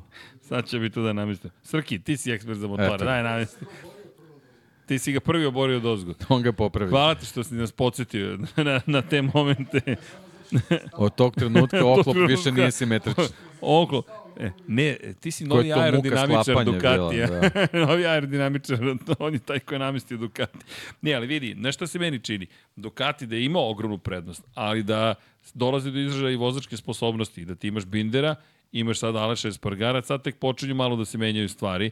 Podući ćemo crtu, ovo je, drugi, ovo je početak drugog dela sezone i ovo je 11. trka bilo od 20, pazi, deki, mi i dalje, meni koncept i dalje nevjerojatno, u septembru počinje kraj sezone, septembar, oktobar, novembar, a inače prva trka u Portugalu, u Portimao je održana kad? Marta, 26. marta. Dakle, mi smo mart, april, maj, jun, jul, avgust. Šest meseci proveli vozeći 10 trka. A onda ćemo u tri tr meseca da spakujemo isti, isti, isti taj broj trka. E, Znaš šta mi je super, što ti je to smešno? to mi je super. Pa ne, ali šta drugo da kažem, deki, znaš, ti dođeš u situaciju da mi sada, mi smo od Ducati već uveliko proglasili za sve i svi. Ja ne, ne da, odbio sam jednu kritiku na Twitteru i rekao sam, nemojte, molim vas. Nisam proglasio Peka za šampiona, samo sam rekao da je očigledno najveći kandidat za titulu šampiona sveta. E, sad zbog toga je pao. Pa kako, sad, nemojte ljudi, molim vas. Ali to je jedna osoba rekla, neću da grešim dušu, da ne bude da sam spomenuo više ljudi, ali činjenica je da to zaista nema veze. Ali takođe činjenica da ima još devet trka do kraja, mi ma, zaista nemamo predstavu, a lako stvari mogu da se promene, ne mora da bude ovako dramatično kao u Barceloni. Povreda, greška, kako god, i ti odjedno možeš zaista da budeš u teškoj situaciji. Mizano i dalje ostaje važna trka. Ukoliko Jorge Martin iskoristi priliku, jer ovo je sada prilika, ukoliko Peko ne bude bio, na primjer, među vodeća tri vozača, bude četvrti, na primjer, mogao bi Martin zaista da uđe u bitku za titulu šampiona sveta uz Becekija koji jeste povređen koji mora da bude nekako na tom spisku. Ajde da vidimo, ipak ideš Da. u Mizanu, ideš kod kuće, baš ćeš da se boriš za, za, za vrlo vredne poene u momentu kada Peko zaista može da, Da, ja izgubi mislim da će. Martin stvarno da bude motivisan vezano za Mizan. Ja sam u Martina baš gledam već sada, jer mi je Martin kao zamene za povređenog Enea Bastianinija. Da. Enea koji, eto, njemu baš ne ide ove godine. Od svih trka koje će propustiti, između ostalog, to će biti Mizano. Posle kojeg dolazi šta? Dan kasnije test. Da. Čega?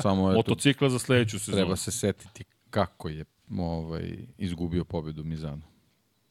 Jorge Martin. Jorge Martin, da, da, da, A, ali, ali ajmo da dodamo još jednu stvar, samo, a, apropo Enea Bastianinija, samo bih dodao, pazi deki, on sada već počinje da gubi vreme za pripremu za sledeću godinu.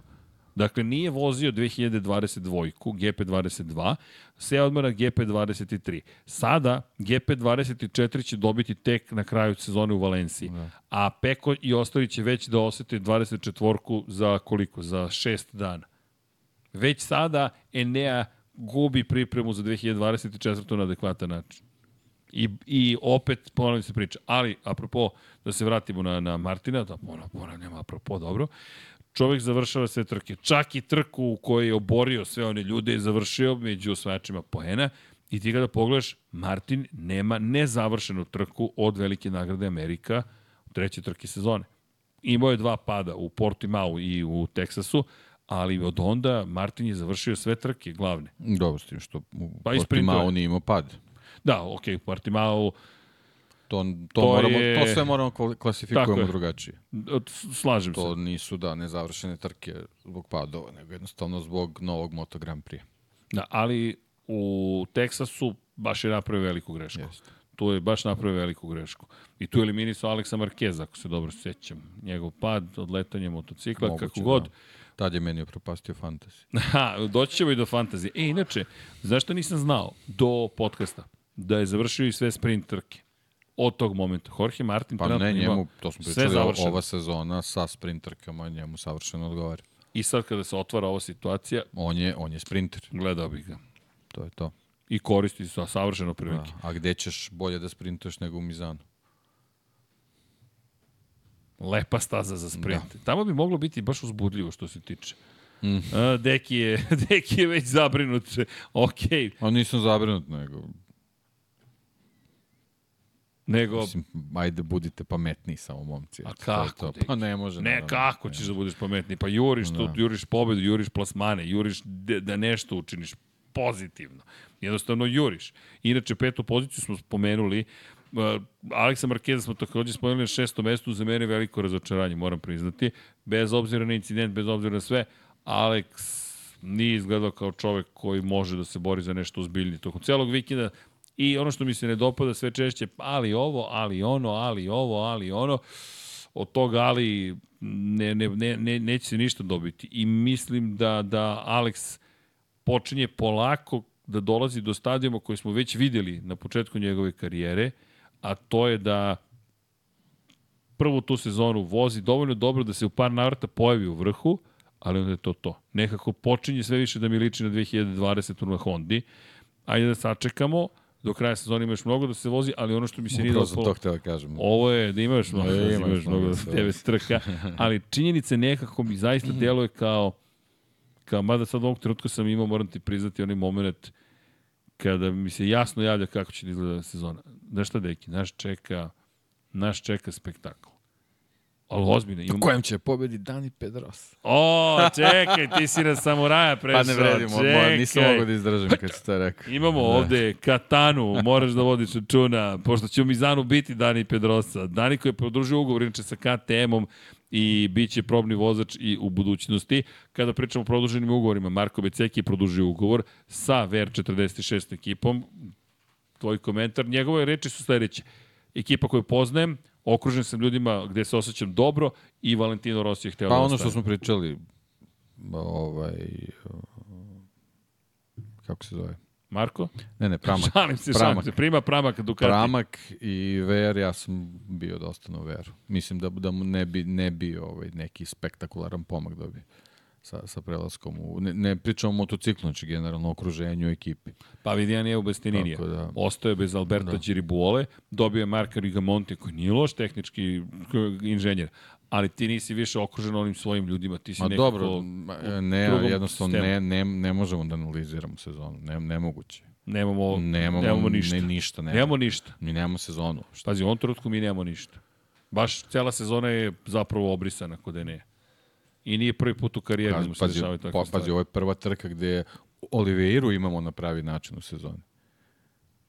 Da nešto možemo da kažemo lo, Tako da dublje o onome što se događa. Inače, analize kada, sa momcima koji, kojeg smo ono, ovaj, izgubili u tom, u tom prvom delu zbog tih povreda jednostavno ne, ne možemo da, da računamo sa, sa nekom ozbiljnijom pričom o njima. Znaš na šta mene potiče ova sezona? Na 2017. kod Ene, kada je bio šesti u šampionatu. Pre toga bio vice šampion, Moto3 kategorije. Jer kada je stigao, ok, debitant, deveti, pa treći naredne sezone, pa drugi i onda šesti.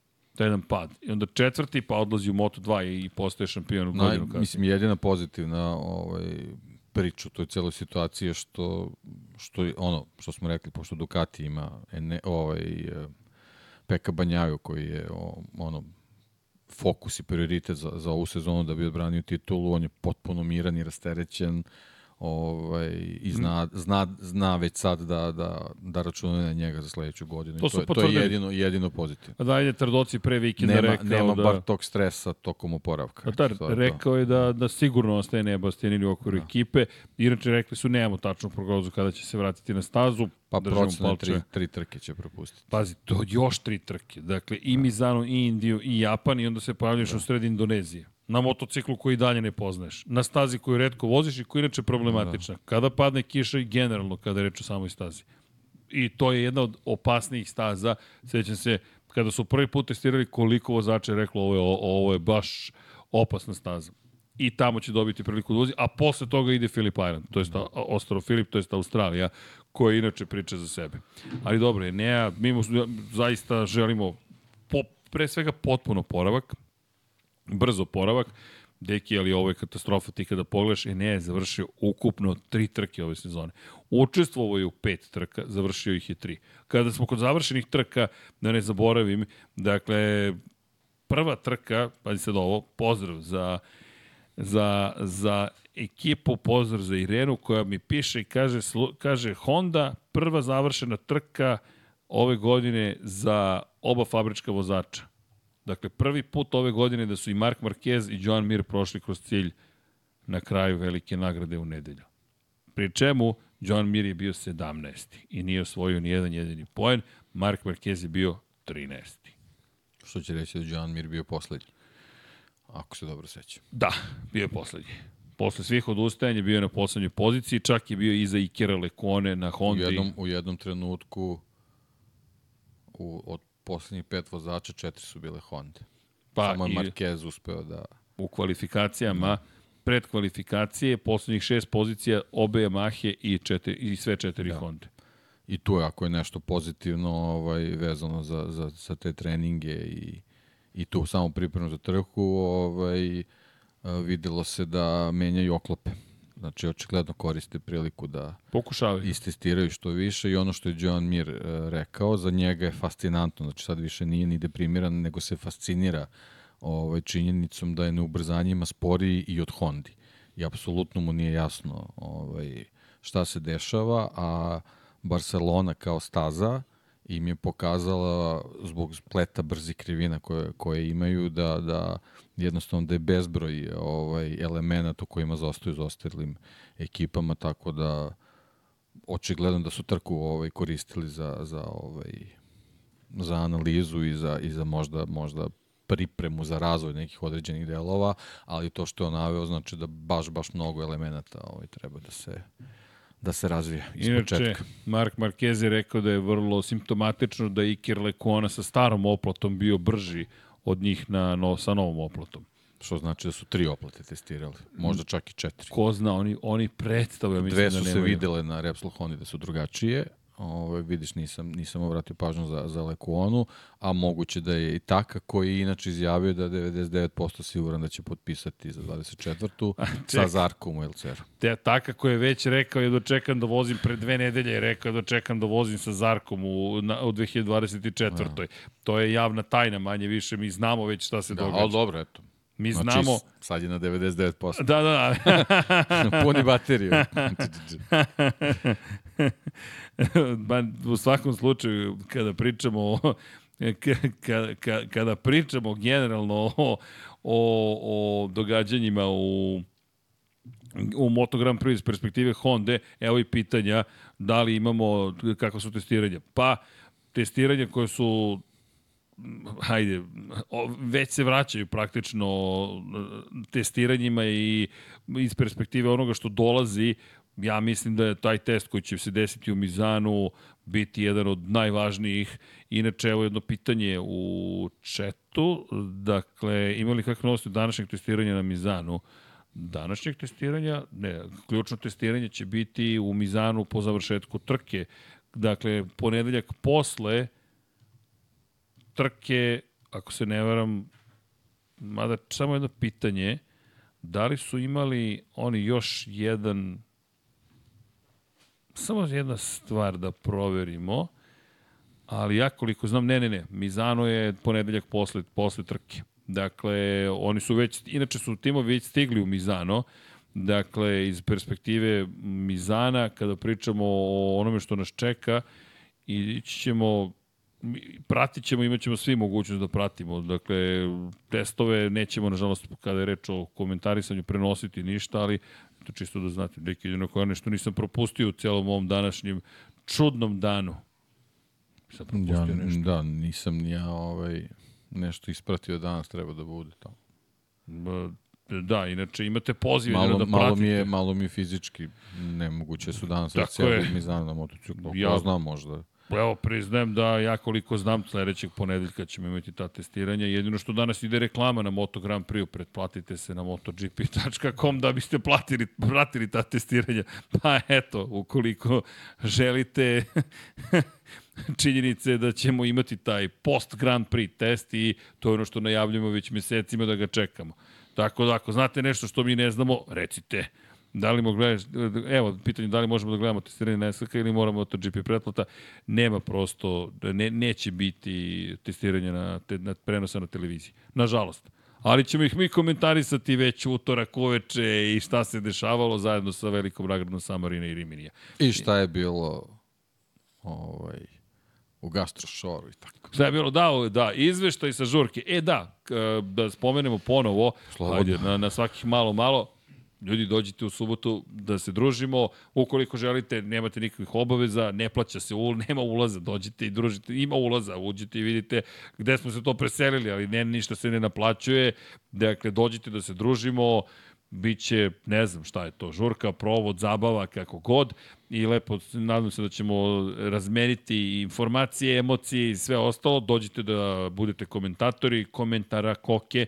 Mi smo rekli, ako jedna osoba izađe na binu, mi smo pobedili. Dakle, tako da tražimo hrabre dame i gospodu, dođite, devojke, pozvane ste sve da vidimo komentatorke, da li tu postoji neka buduća nada u celoj ovoj priči ili ne. Malo sam ovo se izvazvao. Ja, super. Okej, okay. tadam. Hoćete da, e, inače, najavit ćemo tačno šta ćete moći da birate, da ne bude iznenađenje kompletno, pa možda i da se spremite. Radimo danas na selekciji, zapravo sutra, da sam već u danas prešao u sredu, dobro, ali radimo na selekciji toga šta će biti. Jimmy, Miksa i Vanja će da biraju za američki futbol, već smo nešto spomenjali šta bi moglo biti. Za Moto Grand Prix, pa neke završnice, trka, ono što sigurno možemo da vam kažemo što se tiče završnice, imaćete priliku Silverstone da ponovo proživite Alex Rins protiv Marka Markeza, dakle ko želi ukoliko naravno želite nešto drugo. To, kažem, to je samo jedan izbor, nemojte da brinete, bit će tu još, ali taj uzbudljive završnice, 2009. Valentino Rossi protiv Jorge Lorenza. Neki Red Bull ring. Tako je, bit će tako. I ubacit ćemo da ne bude, da ne kažu Markezovci samo kada poraz pretrpi Mark Marquez, Tajland 2019. Jel može? Eto, ta dama odmah zna o čemu pričamo. Fabio Quartararo protiv Marka Markeza i opet manevar u poslednjoj krivini poslednjeg kruga. I za sada poslednja osma titula, moment kada je dosvojio osmu titulu Mark Marquez. Tako da to ćete imati priliku da komentarišete. Što se tiče Formula 1, Abu Dhabi 2021. To vam Zamisli. garantujemo. Ne, ne, ne, ne, ne, ne, ne, ne, ne. Imamo jednu polovinu koja već odbija. ne, ne, nećemo o tome da pričamo, mislim da znam za koga navijaju dame, dakle, ali i bit će drugih nekih trka, start trke u Formuli 1 i tako dalje. Portugal 2020. Kimi nadoknađuje 11 pozicije. Vratno se pita šta rade ovi ljudi oko mene. Će li neko da vozi u formulu ili sam na pikniku? Tako da znate, ako imate još neku ideju, samo pišite. Ja pa sam imao da... ideju da ćemo bar imati 300 lajkova kod mene na kompu nula. ne, ne, imaš, nula imaš 148, El Messi Meni je nula, ja ne znam. Da. A, refrešao sam malo. da, u svakom slučaju, inače, pozdrav sa Kalemegdana, nas i šetom, volim vas, verno ste večeras, pozdrav za našeg dragog Avelatija, Hvala. čekamo tu studiju, tako da... E, nema prenosa trke. Muamir Dostović ima prenosa trke. E da, da znate za prenos, prenos je bio na N-Sportu da znate, N Sport je prenosio sve trke Moto Grand Prix prethodnog vikenda. Nova S, ne, Nova Sport, ne, Nova, Nova Sport, Sport, N Sport, to je Nova Sport, to je nešto, N, kako god. Znam da su meni rekli, ja kažem, vičem Nova Sport, N Sport, N Sport, je rekao, dobro, N Sport, evo N Sport, ako N Sport, N Sport. Kako god, neki sport prenosili smo, u svakom slučaju komentarisali smo, tako da znate. e, tako da, eto, evo, zahtev Lagura Seka 2013. Mark Marquez Rossi, a Mugello Arabijata ide na to. Stavit ćemo ovako, 2008. Laguna Seka, 2013. Laguna Seka. Može? Markezovci, Rosijevci, jeste zadovoljni? Ko inače nije, ne znaš zašto 2013. Laguna Seka, a deki? Pročitajte u knjizi Ostvarenje sna Mark Marquez. Ako želite iz druge perspektive taj moment iz 2013. Valentino Rossi sve njegove trke. Pa pogledajte šta kaže jedan, šta kaže drugi. U Sad nam je pokvario scenografiju potpuno. I jesam potpuno Pa pokvario. potpuno. Samo pratim. Dobro, ali ti si mi Čekaj, rekao čekaj, da... stani. Može, može, prihvatljivo. Prihvatljivo. Evo, osmeh. Prihvatljivo, može. Ok, i ima 300, zašto? Zato što je to Lab 76 300, koji inače neće biti snimljen, tako da će morati naknadno da odradimo 300 tku, ali će, mada, znaš šta možemo da uradimo? Ono što smo rekli, stavimo kamere da prikazuju ceo događaj, jedan mikrofon negde s- tu stavimo s polja da malo kupi atmosferu, e, može, ok, i to je to. I pazite što pričate.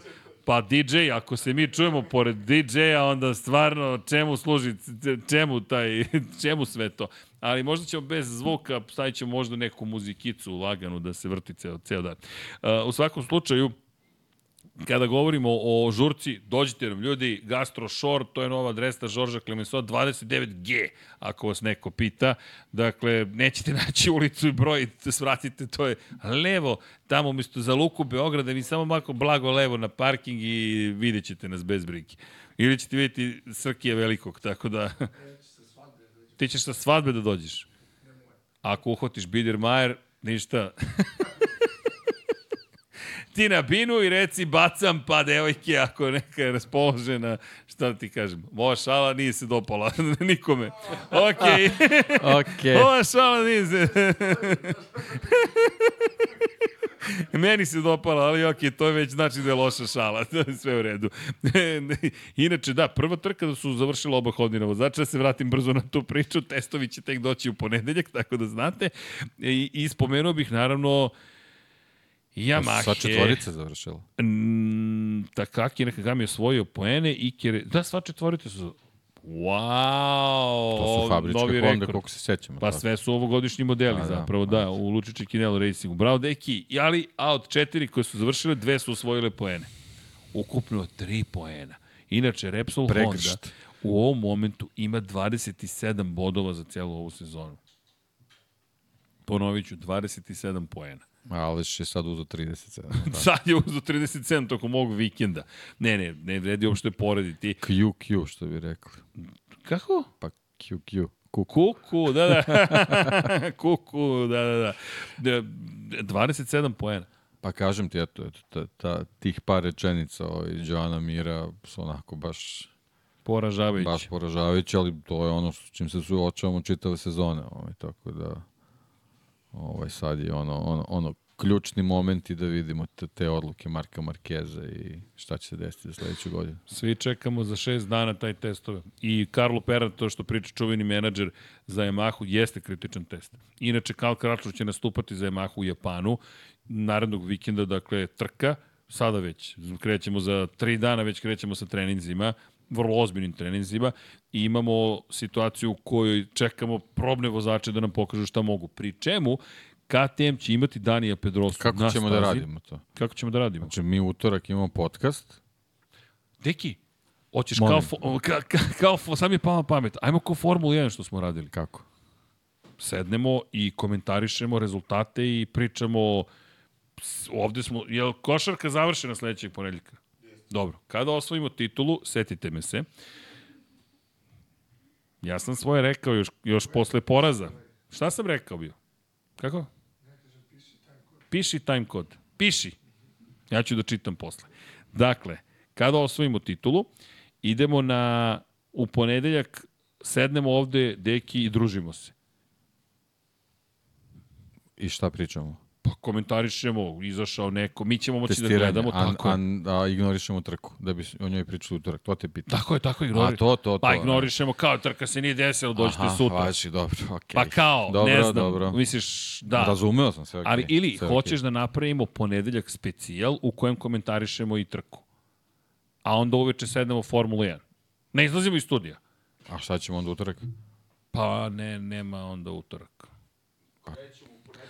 Ajde, smislit ćemo, nema Smislit veze, ćemo, ajde, dobro, smislit ćemo. ne, zato, ne, zato ti upravo si. kažem, malo mi je, ono, mislim, testovi su jako važni, nisu, nisu ono tek kao pričice. Pa da, Ovi, ali, ovi testovi. ali imat ćemo dovoljno vremena, a utorak...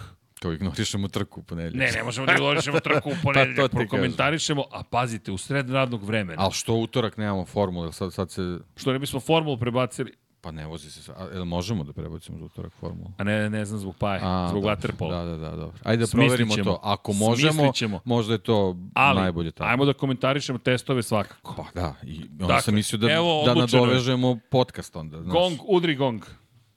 Dakle, komentarisat ćemo testiranje u Mizanu sledećeg ponedeljka. Nemam pojma kad počinju ni kad se završavaju, ali ćemo i da Pa komentarišemo. možda možemo drugi deo. Drugi znaš deo. da dele na, Drugi deo dana. Da dele, imaćemo rezultate prvog dela Onda idu i na onda ručak. da vidimo, tako i onda tokom ručka će tu biti nekih informacija nešto, da to prikupimo i onda Krenemo- malo to komentarišemo i pratimo uživo šta se dešava. Čekaj da vidim tajming. Moram da vidim sad tajming, kalendar, da li će da mi izbaci... e, Mislim da je rano. test. A možda i hoće. Mislim da će Možda da i izbaci. Zato što obično stave, evo ga, Mizano MotoGP zvanični test. Evo lepo, Boris Trutin kaže pas da ne uspete da ignorišete trku. O tome ti pričam. Pa dobro, ali deki, onda u utorak uveče smislit ćemo nešto. U Pa utorak, F1 ako Paja, ako Paja može. Ako to je ne može- najjednostavnije. Pa onda ćemo da smišljamo. dobro, okej. Dobro. Dobro. Neko će nas u top staviti. Neko. Ne, u utorak radimo Lab 76 300. Dobro. Ha?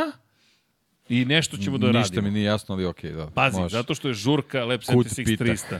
A onda imamo 341, to će biti test. 342 Formula 1, 300 dolazi onda u utorak i radimo nešto. Šta god, nešto ćemo smislimo. Verujem i smislit ćemo. Ništa mi nije jasno. De, Može. meni, Dobro, bit će ti okej. jasno. Okej. Biće ti jasno, u 9 ujutro kreće i traje do 18. Pa to, da. Ja bih krenuo... Znači od 9 do 12 ili Ja do bih 1. u jedan krenuo. Znaš zašto u jedan obično kreću? Zato što gađaju vreme u koje se održava, u kojem se održava trka. I u dva sata počinju simulacije trka. Obično u, dva, u 14.00 ulaze u simulacije i negde oko, da kažemo, od 1 do 5 da radimo, jer u 6 već, Ne, samo da ne znam da koliko staza. ćemo imati informacije u jedan. To je zbog toga samo.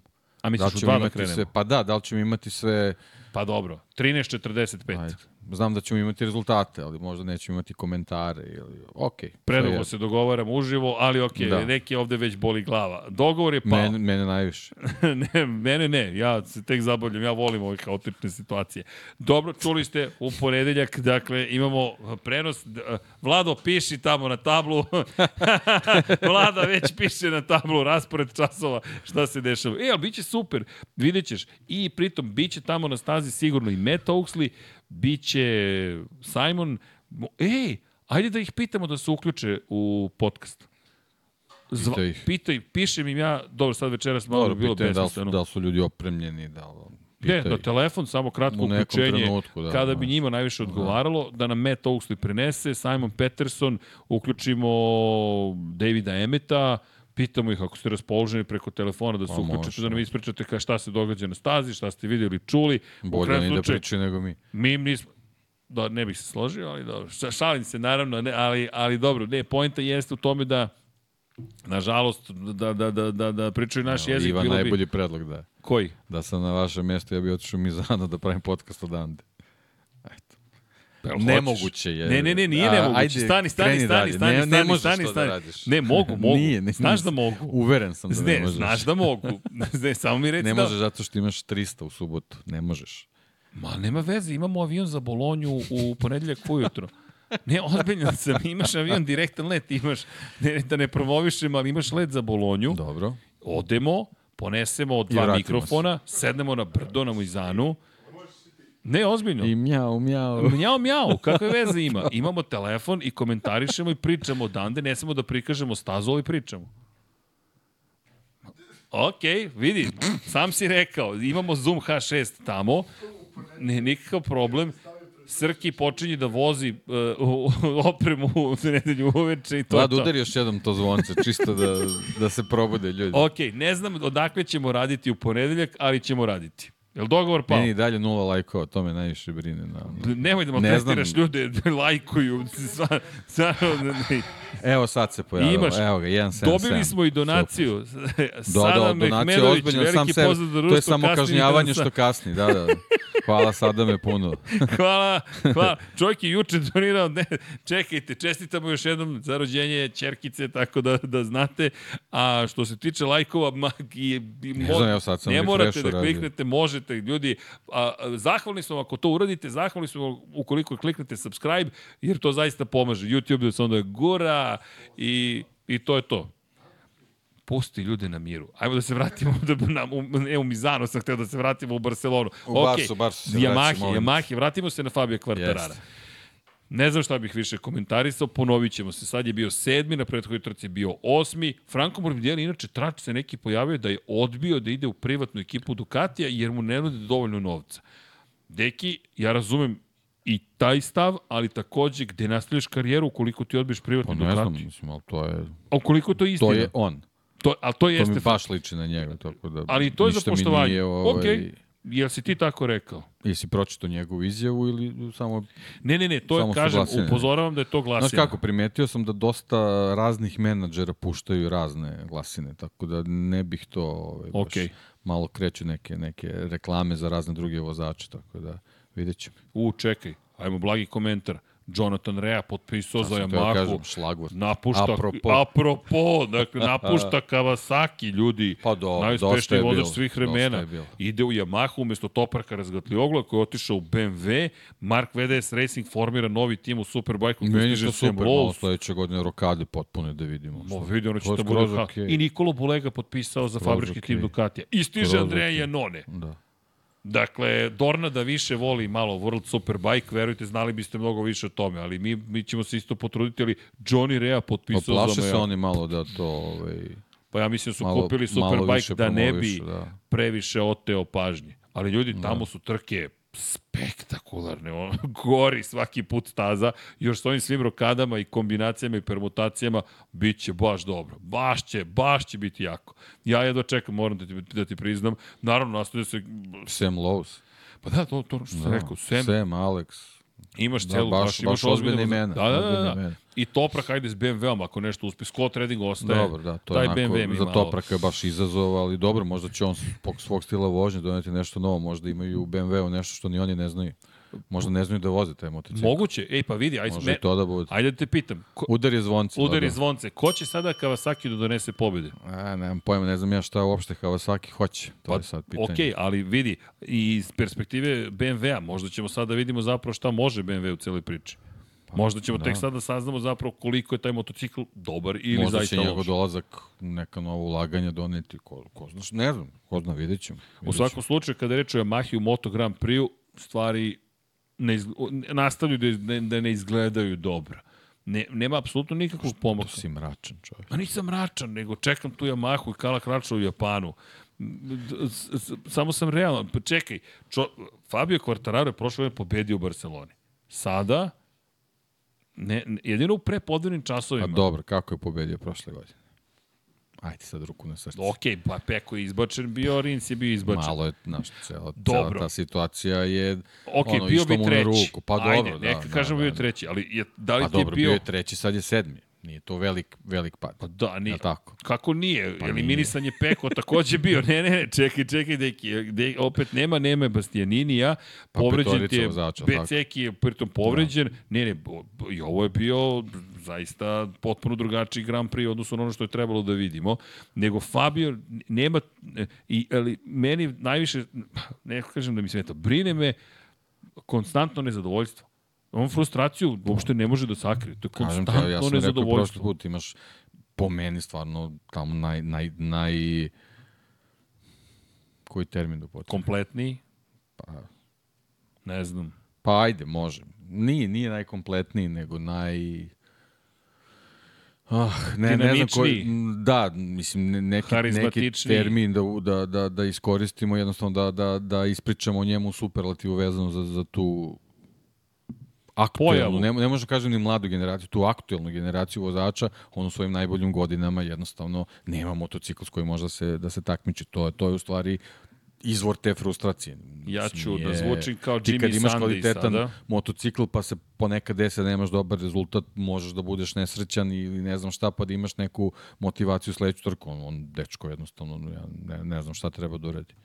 da, da, bi se, da bi se tu bilo šta promenilo. Ali to je, to je ovaj, glavni problem ta ovaj, jednostavno odluka pre svega Yamahe za ovu sezonu da ide sa dva motocikla, vidi se da jednostavno ne, ne postoji mogućnost da na taj način bilo šta razvijaš tokom sezone, da bilo šta promeniš. Ok, deki, ali ja ću sada da kažem ponovo, bit ću Jimmy Sunday, bit ću naš Ivan Nedeljković, on je sam potpisao taj ugovor. Vidi, on je taj koji je ušao u taj dogovor sa Yamahom. Imao je opcije raznorazne. Koji dogovor? Pa, da, da, Potpisat ću za vas, a vi ćete ostati loši. Pa Ne, ne, ne, ne, nije ne, ne. to dogovor. Ali on je taj koji je rekao, ostajem sa vama. Dobro, okej. Okay. Pa, znam, deki, ali imao si Pa šta opcije. ne, brod tone pa ću ja da, da odem. Nije, nije ni to opcija. Ok, to je ono što je Joan Mir rekao za Hondu, neću da odem u ovim, u ovim uslovima. Tako je. No, prošle godine, pazi, nije baš brod po tonu, oni su imali 91 poen prednosti i dalje su imali mogućnost da osvoje titulu zajedno. Moguće da je to zapravo taj moment. Osvajamo titulu, ide sve kako treba, 91 poen, nema šanse da nas Peko stigne, daj ugovor na još dve godine. I sad si u problemu. Ozbiljnom problemu. I moraš da izdržiš do kraja 2024. Ovo je sad možda, možda problem sa tim ugovorom je što ti Ali, znaš, teško je. U japanskoj ski fabrici milijardu puta smo to ponovili. Nije on mogao da u trenutku dok su se raspitivali kako će sve stvari da idu, da, da dobiju informaciju da će, da će Yamaha da, da desetkuje Da se sve šta se raspadne. dešava u timu. Znaš. Tako da, znaš, ne, nezgodno je to bilo da se... Nam Srki otišao. Ćao Srki, volimo te. Lajk za Srkija. Žickamo lajkove na Srkija. Ćao. ne, Nula ne. kod meni i dalje. Zero. Sad će na Srkija plus 500. Sad da ti ga... Ajde, vidimo ovo ti to. je, ovo ti je Joker. Da. Ovo ti je infi, Infinite. Od mene 250 lajkovi. A, od Za kuma televizor. kubik po jedan. Ne izvini, prekinuh ti. I za, Nemam za pojma Yamahu. sam Yamahu si pričao. Yamaha, pa eto, da. pričao sam. Pa, vidi, za Yamahu nema mnogo toga, kažem ti da se dočekamo. Ja mislim da će zapravo, svi pričaju Japan kao kračno, to će biti kritično Mizano i tako dalje.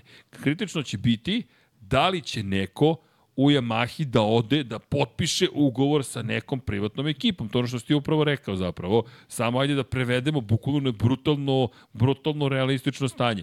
Kako planiraš da razvijaš motocikl da. samo sa dva Upravo motora? to, znaš, ako, ne se možeš. desi, ako se desi to potpisivanje, znaćemo, aha, evo, probudili su se nešto, hoće da uredi. I Ako tu bude o, i dalje ono flegma situacija, ja ne znam šta, šta stvarno mogu da uredi. i čekamo odluku o tome da li će se koncesije uvoditi za japanske proizvođače ili ne. Da li će zaista Ducati i Aprilia uspeti da navedu zapravo KTM da kaže, ok, ajmo da sednemo da razgovaramo. Jedna od najlepših priča u, u poslednje vreme koje se dešava je to što, što Ducati i Aprili jednostavno žele da razgovaraju o tome da vidi kako, se, kako da se pomogne. Celom sport, A, je, zna, zašto? Mislim da su i oni svesni da njima može da se desi ta ista situacija. pa pazi, dve Znaš kako, situacije. ne, ne možeš ti večno da, Deki. da, da ideš u, na mesec. Tri stvari, spominjali smo ih većinom. Svetski šampionat u Superbajku, Dorna ga trenutno krije, to je moje mišljenje. Sakre kupila ga je da bi ga sakrila, manje više da bi ga pustila i rekla, ok, to je to gde jeste. Ali tamo imaš mnogo dobrih vozača, mnogo proizvođača. Imaš situacije koje nemaš, ok, Alvaro Bautista trenutno dominira, ali to verujem da će proći i da ćemo dobiti ponovo ozbiljno promešane karte.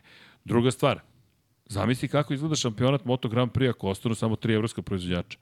To je, to je krnji šampionat. Jednostavno, koliko god imaš dobrih vozača, to deluje kao kup Pa takmičenja. dobro, ti si u jednom trenutku imao svetski šampiona sa tri japanska proizvođača. Znam, ali to je bilo davno, Deki. Među vremenu, od, moto, od, od, na, od postanja Moto Grand Prix kao zamene za 500 kubika, koncept je upravo bio da se dođe do ovoga. I sad smo došli dotle. Honda je ta koja je želela četvorotakne motore. Honda je želela da se ukinu 500-ke, dobila je želju. Ok, u periodu sa Valentinom Rosijom na početku je pobeđivala, dominirala, osvajala titule. Onda je prešao u Yamahu, počela je Maha da pobeđuje da dominira. Honda se vratila sa Nikim Haydenom, pojavio se Casey Stoner s Ducatijem. To su već tri proizvođača. Zatim, Suzuki tu se nešto batrgao, Kawasaki, Aprilia se pojavila, nestala, otišla, došla. Kriza ekonomska udarila, opet smo imali promene, pa Yamahe se borile Rossi i Lorenzo, Rossi i Lorenzo. Pa došao Casey u Hondu, vratio Hondu na vrh, pa ponovo Lorenzo, pa došao Mark Marquez. Period Marka Marqueza, jedno presečeno izdanje sa Jorgeom Lorenzom, umeđu vremenu Suzuki otišao, vratio se u šampionat, April je rekla ajde da investiramo više, mi imali CRT timove, otvorene kategorije, Carmelo Espeleta tu ubirao, jedna od redkih stvari koju radio kako treba. I sada dolazimo do toga da imamo zapravo pet proizvođača u kojima, pazi, prošla godina nije bila ovakva. Ovo je sada već ozbiljno bekstvo evropskih uh, proizvođača, ali mi možemo da imamo šampionat koji je zaista baš veličanstven, izmešano sa svih strana. Jer pre samo dve godine mi smo imali situaciju da na prvih šest pozicija bude zaista šest različitih, to znači šest različitih proizvođača. E, zato kažem, ovo je rezultat neki, ne kažem, ne bih da se vratimo unazad u taj moment, jer videli smo kako može da bude kada su svi tu, a imamo priliku da Honda i Yamahu I ono što si ti predložio, što je Dalinja takođe predložio, meni fenomenalno. Jeste. Pa ja ti i si, Dalinja. Pa jeste, deki, izvini, ali ti si to izgovorio. Dobro. Ti si rekao, ajmo da dajemo kilometre koje nemaju Pa da, u testiranju. primjer, da. I to isto Dalinja rekao. Nema potrebe da dajemo neke druge koncesije. Neka imaju veći broj kilometara u testiranju. Što dobijaš, što, čime kompenzuješ za Ne, nedostatak timova. je, ne može da im daš uh, besplatno da razvijaju. Znači, moraju da ulože neki trud da bi nešto razvili. To je- I da to pokažu je to, volju da. će biti tu. Da. I ono što si treće rekao, vidi sutra možda se Ducati okrene situacija, pa Honda se ponovo pita. Jer konačno i Honda je bila spremna na neki kompromise. Honda je prihvatila, Ducati je bio pametan, izlobirao elektroniku na prelaskom na 800 kubika. I napravio svoj prvi veliki pomak ka tome da bude šampion i uspeo da postane šampion. Pa da, njima je to ne- nedostajalo da, da ukrote motocikl. Tako je. I oni su ti koji se najviše zato bave. mi opet se vraćamo na ovu trku, ovo što se desilo s Pekom. Meni, meni tu neki prekidač se Vidi, ugasio ili, ili, ili, je, ili je nešto, nešto se prekinulo. Gizmo, Gaga i ostali da se pojave, Gremlini, kako, pa seti se Lorenca na Ducatiju na Tajlandu. Ja i dalje stojim pri mojim rečima da je taj Buriram bio kritičan za, da, za to da on ne bude kandidat za titulu šampiona sveta te godine. I dalje niko nije rekao iz Ducatija šta se desilo. Zašto je Lorenzo do, doživao ni strahoviti pad? I vidi, i to je priroda stvari. Elektronika u jednom trenutku, pogotovo ovako preopterećena elektronika sa preopterećenom mehanikom, aerodinamikom, ima fenomenalni video, pogledajte Danija Pedrosa kako opisuje šta sve on radi tokom kruga na ovom motociklu. To, to ljudi više ne da nije možda motocikla, to je ono što si ti pričao, pilotiranje na motociklu. Ti voziš, klikćeš ovo, klikćeš ono, spuštaš ga ovde, u krivini ga spuštaš da ti da uh, zapravo bolje, bolje prijanjanje aerodinamikom, spuštaš ga na izglasku iz krivine zato što možeš da otvoriš pun gas na dodavanju gasa i ti sad imaš situaciju gde vozač radi mnogo toga, što ima veze sa prstićima, ne više samo telo, dodavanje gasa, kvačer, kvačer se niko davno ne koristi. I što su Kočite ti izlomljeni prstići, sve je teže da Sve pa, upravi. jeste. Znaš, ti imaš PlayStation, šta smo sad sve uradili? Pa to je ono što i Marquez pričao za Hondu. U svakom slučaju, čekamo da vidimo da li će KTM reći, ok, ajmo da pričamo. Samo da pričamo, neka nešto pričaju. Ne traže mi popuštanje Honda i Yamahi, samo da nešto pričaju, ali Yamaha mora da su ozbilji. Ne možeš ovako da pristupiš rešavanju svojih problema. Premalo je to kilometara na tom motociklu. A Aprilia će ih sada imati sve više i više, Ducati neće popustiti, otvaraju se neki drugi frontovi, biće, zaista će biti mnogo zanimljivo. I kada pričamo o KTM-u, ok, rekli smo, produžio ugovor Dani Pedrosa, pazi, Dani Pedrosa je produžio. Deki, ko vozi za KTM sledeće godine? Jack Miller ponovo dobija neprijatna pitanja. Jack koji nije ni blizu pobedničkog postulja, svega ređe, sad viđamo u kadrovima sve tužniji i tužniji, lice sve izduženije, pitanja su sve grublja. Jack, šta misliš o tome da sledeće godine trening broj 1 vozi neko drugi, pa ti onda dobiješ motocikl, preko to je katastrofa. Ako izgubiš jedan trening, ti si, ti si čao, ti si izgubio bitku. Pa ne, evo sad, tu se sad pojavljuju neke glasine, što bi Srki rekao, ovaj, i, i, i, i, kako, kako ti to kažeš, ovaj, izvešće Raikonena. Ima da ga isplate i Da. dobit ćeš Pa, pa, pa, pare pa. za ugovor i Ćao. slobodan si. Idi vozi reli, to jest ne znam šta on vozi tamo. Vidi, šta god da su hteli, Buldožere one svoje ili šta već Pa vozi. da, vozi buldo...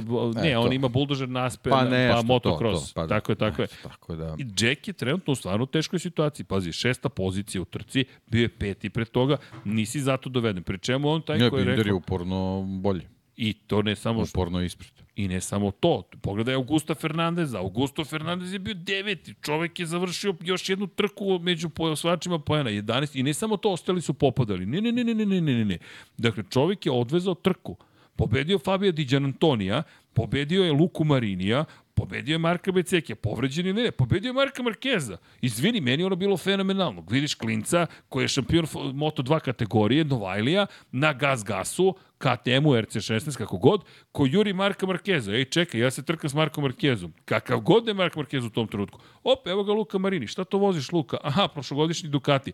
Fabio Di Giannantoni, šta ti voziš? Prošlogodišnji Ducati. Šta ti voziš? Gas, gas, to je ovogodišnji KTM, ali sam ja Novajlija super, dečko odradio svoj posao još jednom i sad Jack Miller koji ne deluje tako dobro, jer on je ipak preiskusan, prekaljen vozač, dao KTM-u šta god da ga hvale da im je dao i to ima malo osjećaj. Evo, ishvalili smo ga, ali nema tih rezultata. Pedro Costa pritom, mm, pričat ćemo Ajkuli, nije baš da Ajkula ujeda tako snažno kao što je izgledalo. Dve trke u kojima e, idemo gore dole, kako god, pričat ćemo o tome, Albert Arenas, evo, čisto da spomenem, da doći ćemo tamo do Moto dvojki.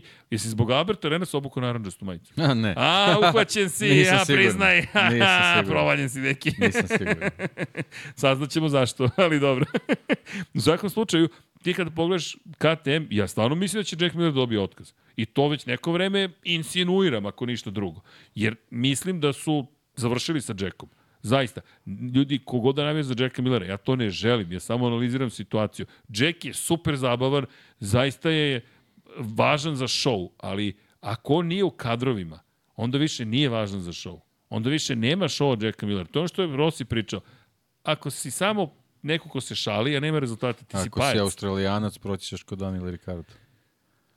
Uf, grubo, ali dobro, nije, nije nemoguće. Nije nemoguće. S tim što Dorna, Dorna, Juri pokušava da gurne nove Australijance.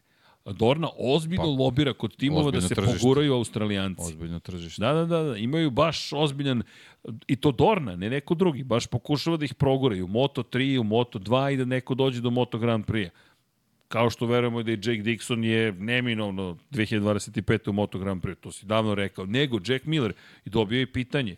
I on kaže, to loši osjećaj loše osjećaje. Sve se više priča o tome da će neko tu doći umesto njega.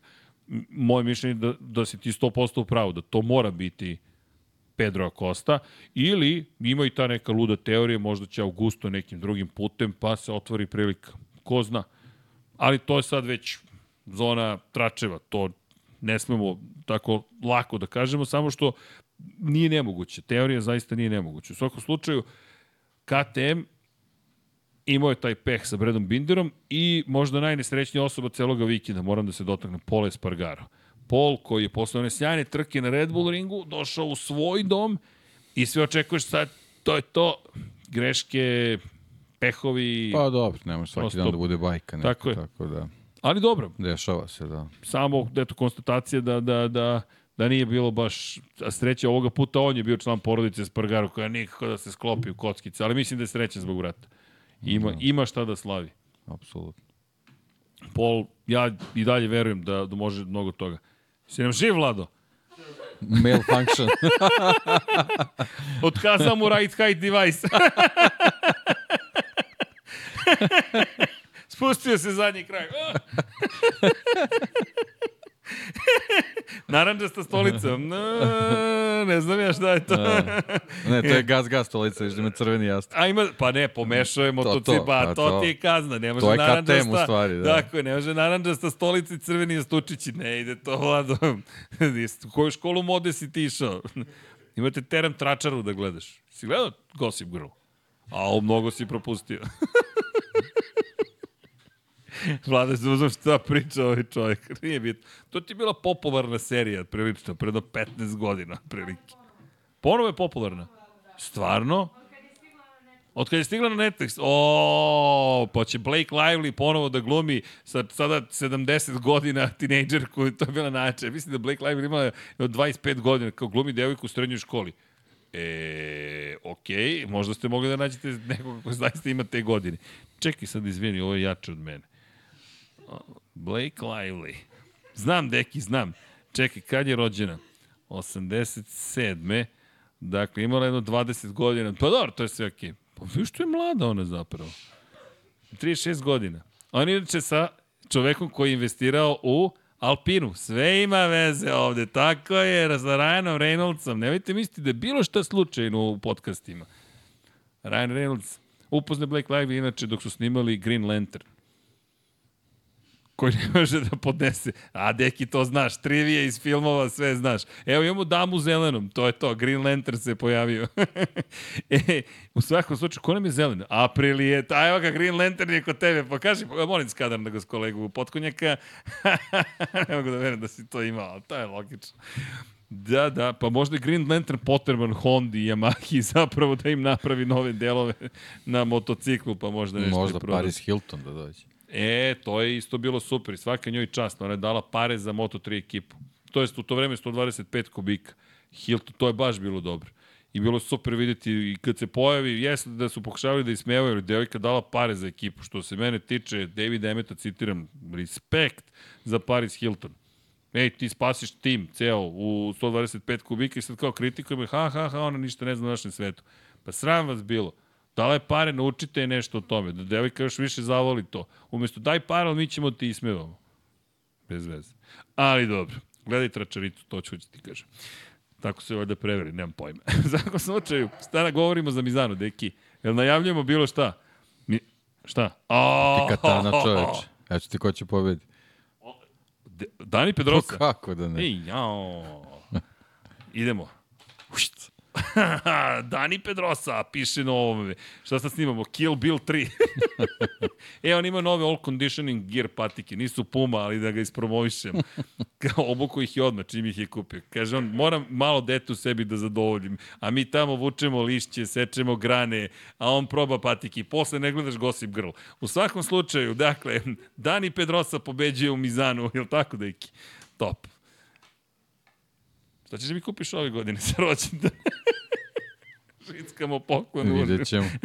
Dobro, dakle ti tipuješ na Danija Pedrosu. Kada smo kod toga? Što ne bi, ja, znaš da tipujem na spektakl. Naravno, ja mislim da, znaš zašto neće pobediti? Zato što će ih pustiti da, ga, da, da im se ne meša u trke. Kao, Kome? Pa, pa, Pa vidiš da su povređeni svi kome da se ne meša u trke. e, čekaj da imamo. Uh, moj fantazi, Alex Marquez, oh, Unboost Rider, ima da te unboostujem. Marko Beceki, Enea Bastianini i Augusto Fernandez. Idemo Augusto, Augusto mi Fernandez, konstruktori Ducati i tim Aprilia, molim lepo. Čekaj da vidimo kako nam je stanje u ligi u ovom trenutku. U ovom trenutku zvanična liga, skočio mi je rank na 454. A, idemo. Mesija je na poziciji broj 1, 1778 poena. Evo, dočekuje, ceo chat piše, ajmo fantasy. ja se čudim što. Jel tražio? I od početka. Evo Svaka ga, čast, Mesija. ne, ne, super. Evo, pita ko vodi. Da li je El Mesija u četu Mesija u fantaziji? da, da li Ne, je to da li je to ta Da je to osoba? taj. e, a, znaš komu je zlat, ko su mu zlatni vozači? Aleš i Francesco, a srebrni Maverick i Jorge Martin, Ducati i Aprilia što se tiče konstruktora, to je timova. Pa čestitamo, to je to voćstvo. I još ima, a ne, nema više boostova. Ja imam dva od tri, ja sam boostovao, ja sam boostovao. Aleksa Marquez. Jao, Aleks, platit ćeš mi. Jug Bogdan drugi na poziciji broj 2. Da vidimo.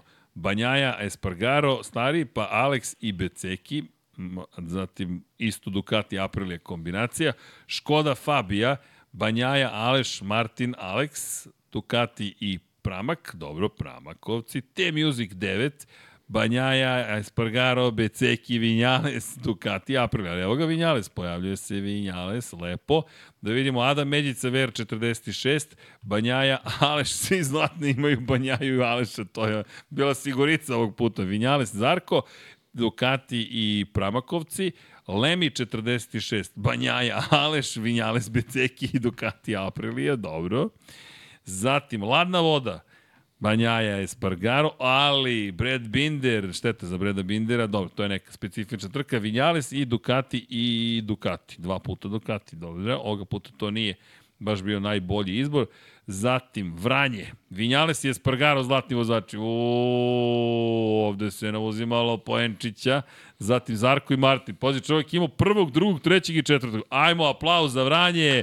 Idemo, ovo je stvarno, ne, ali evo, za Mesiju prvo kao vodećeg i onda Vranje. Ajmo jedan lajkić za Vranje, svaka čast. Dakle, i Ducati i Aprilia kao izbor konstruktora, to jest timovo. Bravo. Pop, da vidimo, Banjaja, Aleš, Martin, Vinjales, Ducati i Aprilia, svi imaju Ducati, Aprilia, Ducati i Pramakovce i Brka 21, Banjaja, Aleš, Vinjales, Binder i Ducati i Aprilia. Da vidimo ostali gde su. Ordanić 1, da vidimo šta Ordanić, Banjaja, Aleš, Luka Marini, evo malo i Marinija, Alex Marquez i Ducati i Pramakovci. Britka sablja. To evo je Britka, Britka katana, da imamo Britka sabljica, Banjaja, Beceki, Vinjales Binder, Aprilia, to je Ducati Aprilia, Evil Eddie iz Norveške, Banjaja, Beceki, Aleš, Vinjales, Ducati Muniver 46. Evo čitamo još dva do 15, Banjaja, Beceki, Marini, Vinjales, Ducati Muni i za kraj Stastra, kaže Banjaja, Aleš, Vinjales, Oliveira. Opa, evo ga Oliveira, se ne zapavaju, Ducati i Muni. Mesija, jesmo zadovoljni? Ako niste udarili like, gospodine Mesija, da ne znam šta da vam kažem, ali, ali svaka čast. Deki, jeste se pojavili lajkovi? Čekaj. Čekaj da vidim. Svi se pojavili lajkovi. Samo da refresham, sad čekaj. Kod Dekija nema lajkova, da je samo subscriberi. Dobro, pa fantazi, zabavno će biti. Koliko imaš poena? 1419,5. U prethodnom Grand Prix 1396. Uuu, Zapeta 25. Koji, koji, koja si pozicija? Milionita. 494. Pa nismo tako daleko. Da- Koliko imaš boostova još? 3. Tri. O, ja sam ovaj Pa ja to ne koristim i na kraju zaboravim. Nemoj da zaboraviš sad. Sad, ajde, igramo se. Ja, koga da otpustim? Deki, Ne mogu sad to da radim. pa kad ćemo? Sutra. Sad je podcast. Ne mogu sad. Šta sakrivaš od ljudi, šta zapravo biraš? Da, da, da. da. Samo, samo se ugledajte na mene. To to je najbolje. Imaš tajnu taktiku. Da. Čekaj. Šta ti kažem, otpustio sam Maverika i stavio Ale, Aleksa Marqueza. E, ali ne da mi, šta je ovo? Tek će sutra se He, he, da, ne može. U stvari, čekaj. Neću. Molim. Da, ne da ni meni. Ne da mi da... Mora da popravljaju sajt. Možda. Verovatno. Su rešili večeras. E, ili neko igra u MotoGP Prediktor? Ljudi, nemojte zaboraviti. prediktor.motogp.com Ja ostavit ćemo ga ponovo u chat. Pokušajte da prognozirate vreme i da dobijete sat.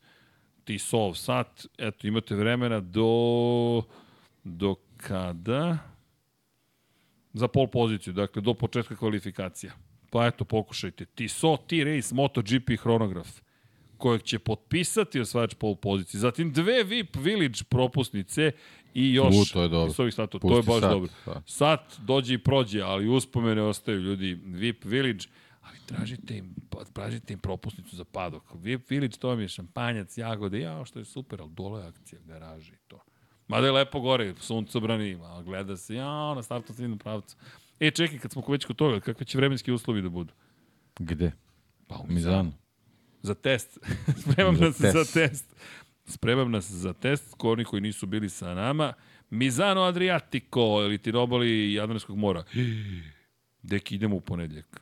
Sunce, sunce, sunce, sunce, sunce, sunce, sunce, sunce, sunce, sunce, od 26 do 29 stepeni Celzijusa gornja temperatura. I inače, najniža temperatura ili 20 ili 18 ili 19 stepeni Celzijusa.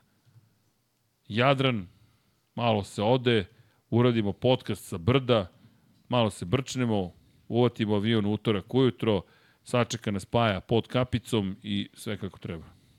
Možemo i njemu nekog vaterpolistu da intervjuišemo kad smo već na obali mora. Ne moramo preterujem. ne moramo previše da radimo. Da, da. Dobro. Znam, ti to voliš. Ali. Ne, nema, ne, ne, ne. Ovo je, ovo je bila prozivka. Ovo je bila surova prozivka. U svakom slučaju, mi radimo pa kako god obrneš, družimo se u ponedeljak, ovako ili onako. Deki, šta prognoziramo? Ko pobeđuje? Dani, Pedro, Dani Pedrosa? Ja sam rekao. Da pozdravimo Green Lantern. Hvala na poseti.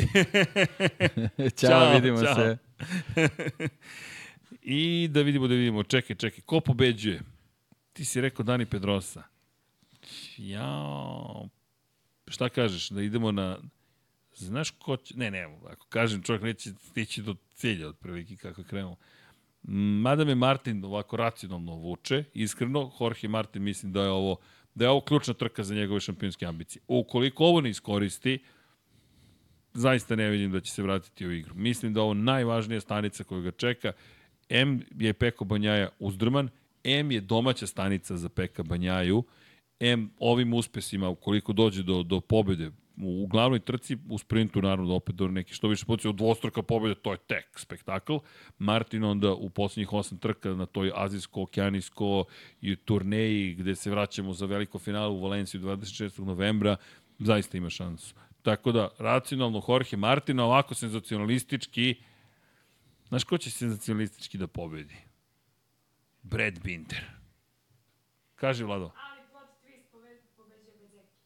Plot twist, navijačica Marka Merkeza kaže pobeđuje, Marko Beceki. ok, dakle, devojke, i to potvrđuje se tamo sa vlad, iz vladinog ćoška, ovako, samo se potvrđuje. Eto, čuli ste, dame biraju Marka Beceki, treća dama, Beceki, Benjaja, ništa. Alonso u Moto dvojici. O, dobro, dobro, dobro. Alonso Lopez. Dobro, dobro, dobro. Arbolino kod kuće. Ovde se licitira sad sa svih strana, kao u Sotebiju. Šta kaže treća dama? Neutralna, dobro, ali dobro, nema, niko ne bira ko, a to zbog koste. Šta? Majica. Pokušam Zbog svak- koga hoćeš? Opa, pod stakale Megdana, pravo u studio, gospodina Velati, dobro veče, eto, ko je u blizini, Svetogorska 46, a vi svratite i pre nego što otvorimo novi pros- prostor u gastrošoru. U svakom slučaju, eto, moja prognoza, neka bude Brad Binder, ma to nije nešto specijalno senzacionalistički, ali okej. Ne bi bilo loše da zabeleže prvu pobedu ove sezone u KTM-u. Deki, Znači, iza KTM nas- pobeđuje u svakom slučaju. Je li tako ispada? Da, KTM svaga. da, nisam razmišljao o tome. Senzacionalistički. Senzacionalistički, ok. A to je zbog Danija Pedrose, što sam... Tek sam sad shvatio. Dobro, nekako navike, navike. Da... E, čekaj da vratimo. Da vratimo. Vrati lepši kadar.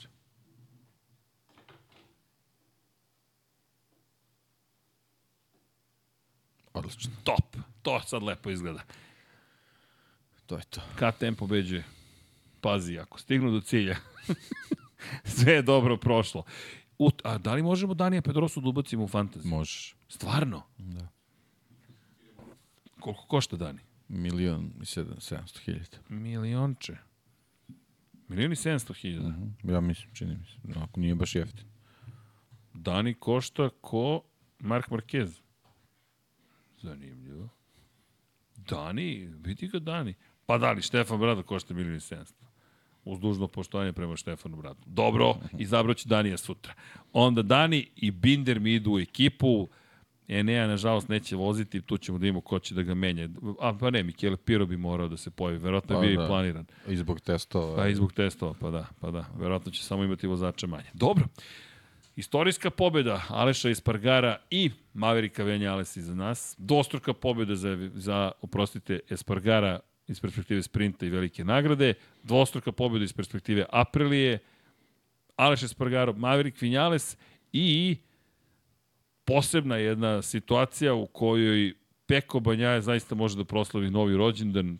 Pad, pregažen preko nogu, prebačen u medicinski centar, u bolnicu, izašao sa jednom štakom, ne dve, i rekao radit ćemo sve što možemo da se vidimo u Mizanu na motociklu. Umeđu vremenu je Neja Bastianini imao ružan pad, greška na kočenju, oboreno pet vozača, najdeblji kraj je izvukao, polomljen članak leve noge, čini mi se, prst takođe leve ruke, kažu propušta tri trke, najverovatnije. I u četvrtoj neće ništa da uradi, pošto ima kaznu dugog kruga. Jeste, je da, koju nije ni, zapravo da. I ovde kazna pomeranje tri pozicije unazad i tako dalje, baš se sva, i još je dobio kaznu zahvaljujući incidentu koji je izazvao, tako da baš ozbiljni problemi za Zeneu Bastianinija, no suma Što možda sumarum, nije loše zbog te staze na kojoj bi trebao da se pojavi, ako, ako tako se izdešava s tim kalendarom, da eto, bude svestan i te kazne, da u stvari to iskoristi za taj neki novi povratak.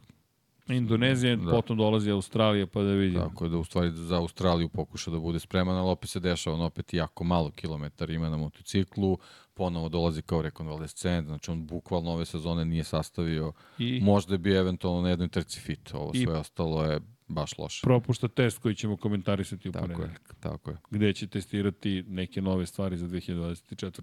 No, zaključak konačni što se tiče velike nagrade Katalonije nije razočarala, bilo je dosta Ovo, ljudi. Spektakl i dobro smo prošli. Eto, Da. to je zaključak. To je baš pravi zaključak. Spektakl i dobro smo prošli i Dorna nije pogrešila i dalje je bilo mnogo ljudi, 152.000 ljudi, to je više, mnogo više nego prošle godine. Ne, nije najgledanija trka Nije, bila svih nije, vremena nije. i tu se Nije vidi. poseta bila onako kako bi se očekivalo zbog čitave situacije u Moto Grand Prix. ali je veća da, nego prošle veća, godine. da. Što je opet Španija voli Moto. Grand Prix. Baš ga To voli. je to, da. Baš ga voli dan danas, bez obzira da li ima svog heroja, nema svog Da li heroja. je, da li je ovaj, pomerena trka na pravi termin, mislim da ništa se specijalno nije desilo, ajde možda da, da, Da da damo vreme malo celoj toj situaciji pa da vidimo kako će se sve dešavati kad se ljudi malo naviknu na taj novi termin. Septembar, pa eto, može da se i dalje kupa na gradskoj plaži u Barceloni. Barceloneta, popularna, grad je uvek predivan, ljudi, topla preporuka. Jedino što ne mogu da vam preporučim jeste hrana u Barceloni. Još nisam našao dobru hranu. Svi je hvale, ja nisam imao sreće samo sa time, ali sve ostalo je potpuno fenomenalno. Ja mogu da ti Topla dam preporuka. tip jednog restorančića u Što? Pa možemo i da odemo. Kako je samo upao u zamku? Čekaj, gde je voda? Čekaj. Ovo je auto zamka, znaš, samo sebi iskopaš ovako. Šta će da preporuku? Pa odvedi neki na drugare. ali, ali slušam, Vodit ću slušam. ako uzmeš kintu. Ako uzmem kintu. A, okej. Idi dalje. Ok, do, da, dobio se zadatke, ljudi, samo da znate. Ovde ozbiljni zadaci dole. Živković Potkonjak. Huh. Trenutno men, novi menadžment. Vrlo je ozbiljan. Ali to je neka druga priča o kojoj ćemo pričati nešto kasnije. Idemo mi na priču broj 2. Jake Dixon sam je rekao ovako, opisao svoju trku pobednik velike nagrade Katalonije. Masterclass. Još nisam čuo da je neki vozač svoju vožnju opisao kao masterclass, ali okej. Okay. Skroman dečko. Skroman, apsolutno, potpuno skroman. Druga pobjeda u četiri trke, čovjek koji je te treći u šampionatu sveta, približava se Toni Arbolinu, možda ugrozi Pedra Kostu, sviđa mi se da je Vlado što si ostavio taj kadar, neka, neka. Ne, Jake Dixon, meni je to bilo najfascinantnije, dakle, prvo slavlje sa Ćerkicom, sve super, Samer je u ručicama, zatim ovo je bio masterclass, e onda e, kažu da jedan momak koji je novi Mark Marquez je ipak morao da sačeka danas. Čekaj, Jake, pa nisi svoju titulu šampiona sveta, okej, okay. ajmo masterclass, to je okej, okay, ali, ali sad i Pedra si... si, Master si plan, master plan. Da, da, pozdrav za Šelu Čebirić, gde god daje, šta god radi, ukoliko sluša Moto Grand Prix podcast, dobro, znamo da... Znamo, Znamo da sluša. Zna... pozdrav za Šelu. Šaljemo je more ljubavi, dama koja je senior software engineer ili ti stari softverski inženjer u Aston Martin F1 ekipi. Pa vi vidite, neka vam bude inspiracija, devojka koja je diplomirala na fakultetu u Sarajevu i radila u Sarajevu hobistički, možemo reći, analize trka Formula 1. Prijavila se za posao, svašta je radila, pisala blog, vrlo ozbiljna dama i prijavila se za posao u Red Bullu. Red Bull Racing rekao, ok, evo ti radna dozvola, viza, vidimo se u Velikoj Britaniji, otišla u Milton Keynes, dve godine kasnije, šš, viša pozicija i prelazak u Aston Martin. Not too shabby, što kažu Britanci, tako neka vam bude inspiracija, školujte se ljudi zaista, diplomirajte, postdiplomski, imaš i postdoktorski, to, sam, to, to smo pričali, svašta možete da uradite i onaj moment dodatne inicijative, recite svetu, kao Jake Dixon, ma ljudi, znam šta radim, ali neka to zaista posluži kao jedna lepa priča i inspiracija. I Jake Dixon, vidi neki, ne znam baš šta da očekujemo dalje od Jakea Dixona, no deluje mi da je počeo polako da otkriva kako da vikend koncipira da bi mu bio uspešan. Pa dobro, mislim, meni on generalno, ja sam ti pričao ove sezone, onako stvarno tu gde treba da bude, osim, osim tog ogromnog pritiska s kojim nije ispod da se izbori u Silverstone. To je mu onako za sad naj, najveći, što se mene tiče, kikske sezona. Ovo sve ostalo nekako onako ide uz njega i uz tu njegovu prirodu. Ovaj, Uh, i, i ono što sam, što sam i, i, i rekao kad je ta čitava priča kretala vezana za prelazak u Moto Grand Prix u ovom trenutku meni su Acosta i on onako stvarno ovaj, pikovi broj 1 Arbolino nažalost eto, pokazuje da, da postoje tu neki e, vijeti momenti tako da mislim da, da, da, da će biti jako teško da izgura ovu sezonu na, na, na nivou kako je počeo a, a Dixon posebno zbog tog rasterećenja ovaj, vezano za, mislim da je pre svega bio ogroman pritisak da li će Preći stići taj. Moto Grand Prix ili neće, po meni nekako mi sad i tako deluje da, da je stvarno to trebalo da se reši u Silverstone, da je ta trka bila dobra da bi se možda iščeprekalo neko mesto za njega. Recimo taj neki LCR, kad se desio taj Silverstone, su rekli, ok, idemo na Zarka i to je to.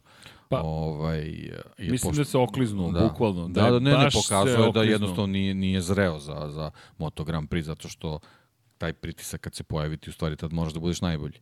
On je, on je tu onako kiksnuje i, i, i što se tiče sportskog rezultata i na, na tim nekim drugim, da kažemo, marketinškim poljima, da ne, da ne kažemo nekim, nekim ljudskim, pošto on je ipak mlad momak.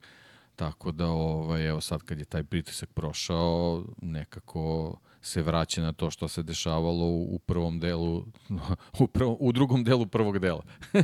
I, ili kako dobro. god. Da Druga četvrtina.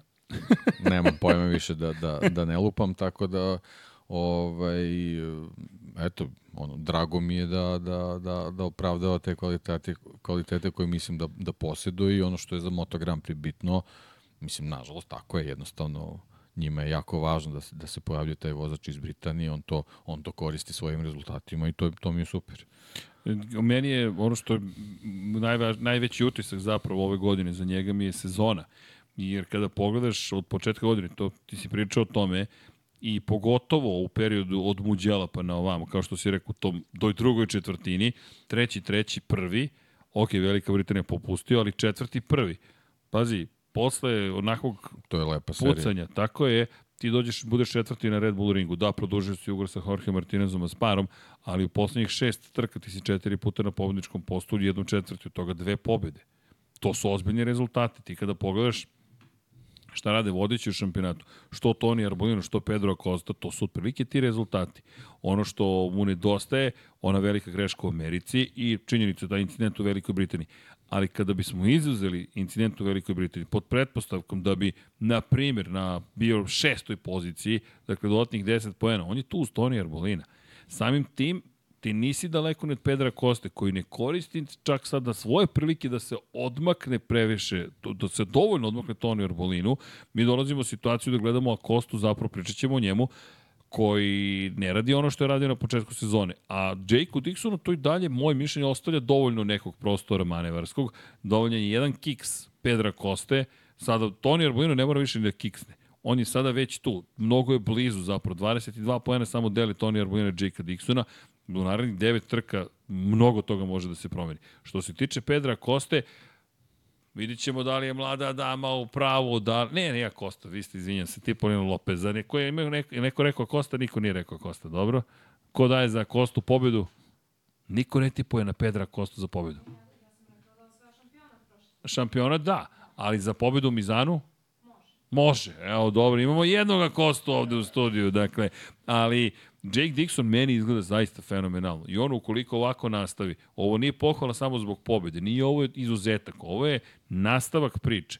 Prva pobeda u karijeri u Holandiji, vrlo emotivan u tom trenutku. Ono što će sada, moje mišljenje, biti test u Mizanu, da li ćeš opet imati jedan preterano emotivan moment u Mizanu. Nije da ide na domaći teren, niti ekipe, niti svoj. Mizano, lepa je staza, trkačka je staza, nisam video da je negde gubi on previše na različitim stazama, vrlo je konzistentan. Saxon Ring treća pozicija, Mugello treća pozicija, potpuno različite staze, on drži tempo. Holandija, mi negde govori da kada dođe pa i Katalonija, moment za ostrovo Filip i takve staze, da tu zaista možemo očekujemo pobedu, ali ok, treći, drugi, drži se toga i ti zaista možeš biti dobar. Baš pohvale za Jakea Dixona. Meni se mnogo dopalo, jeste nam pokvario savršenu romantiku, na ovoj trci Aronu Karneu nije dao pobedu, ponovo, ali bez obzira na sve to, Dixon je zaista zaslužio pobedu. Pa to nije, nije I- samo što mu nije dao pobedu, nego se stvarno videlo u tom trenutku kad, kad je krenuo u, u, u ovaj u napredak videlo se da, da, da, da je ovaj, nameren da, da, da napadne tu prvu poziciju i bukvalno je uh,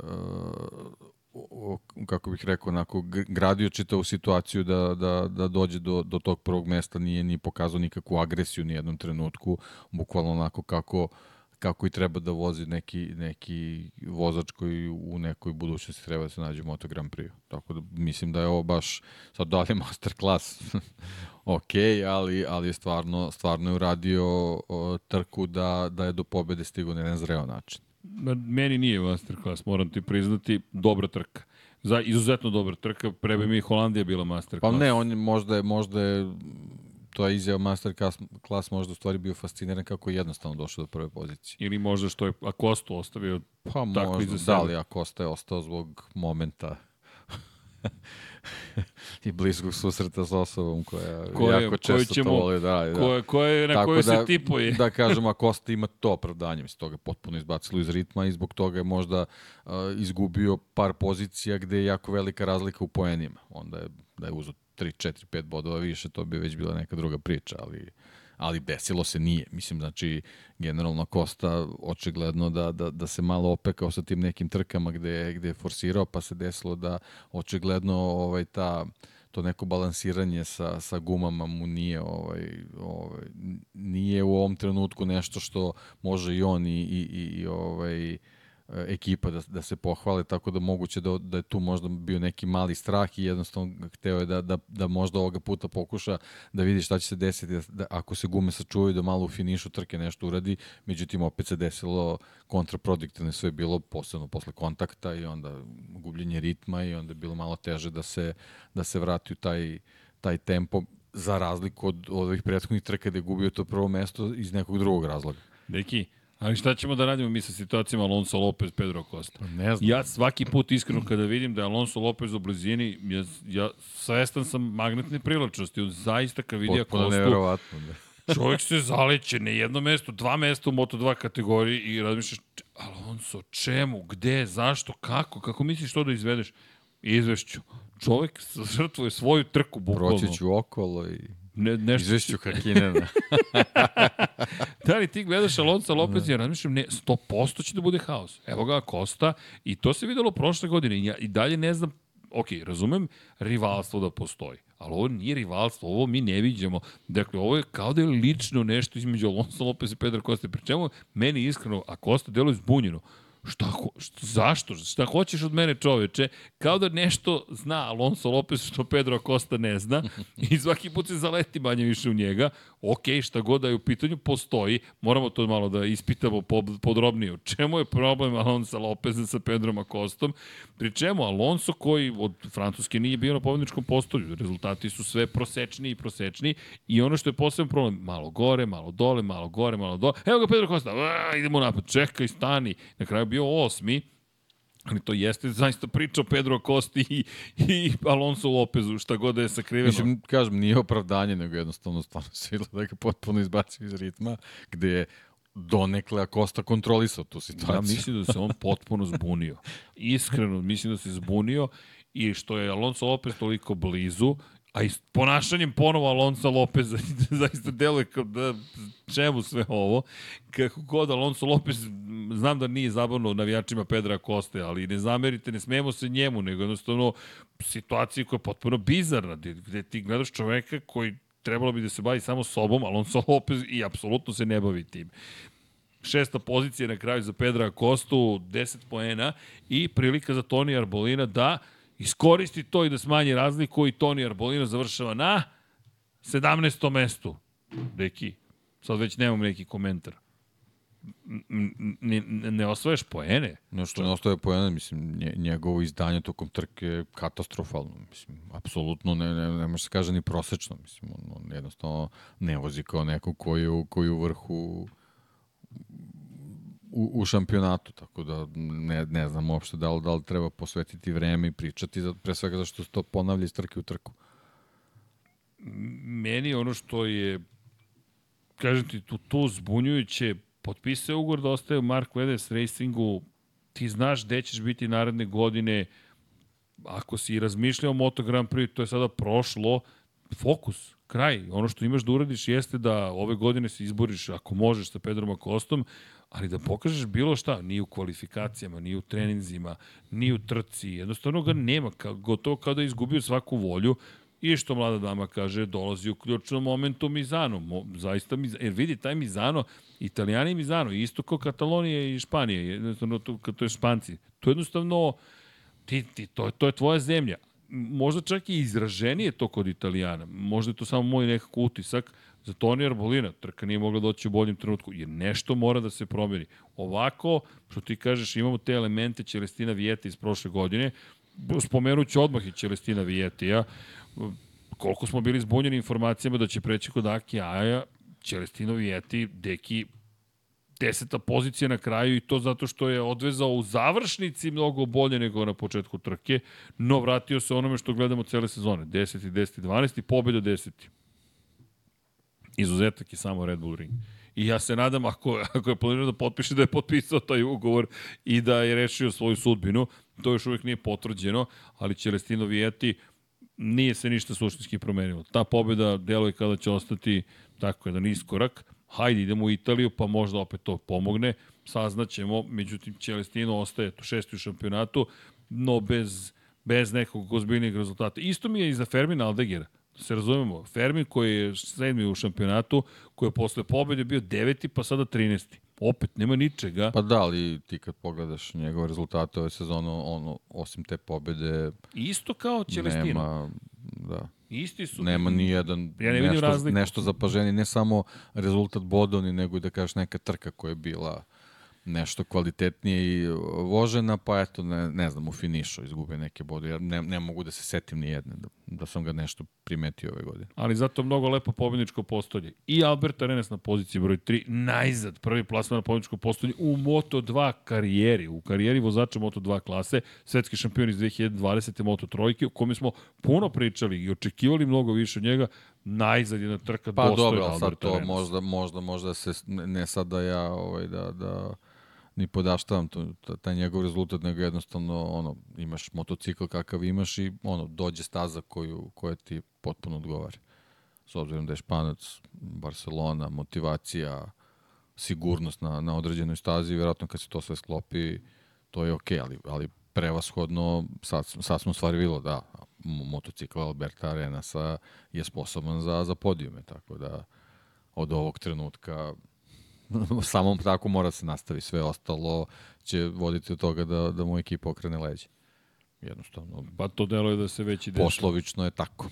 Pa to je, to, da. a lepo si rekao poslovično. Pa, da. Posao je to na kraju dana. To je to. Aron Kane, inače, drugo mesto, tako blizu, Da. tako, Tako blizu. blizu, ali opet sad ne znam, ne znam da li je do Dixona do njega u trenutka kad je poveo ponovo pada tempo. Sad, da li je njegov tempo pao ili Dixon to toliko podigao, ovaj, mislim da ima jednog drugog, ali to je, to je klasičan Aron Kane. Šteta.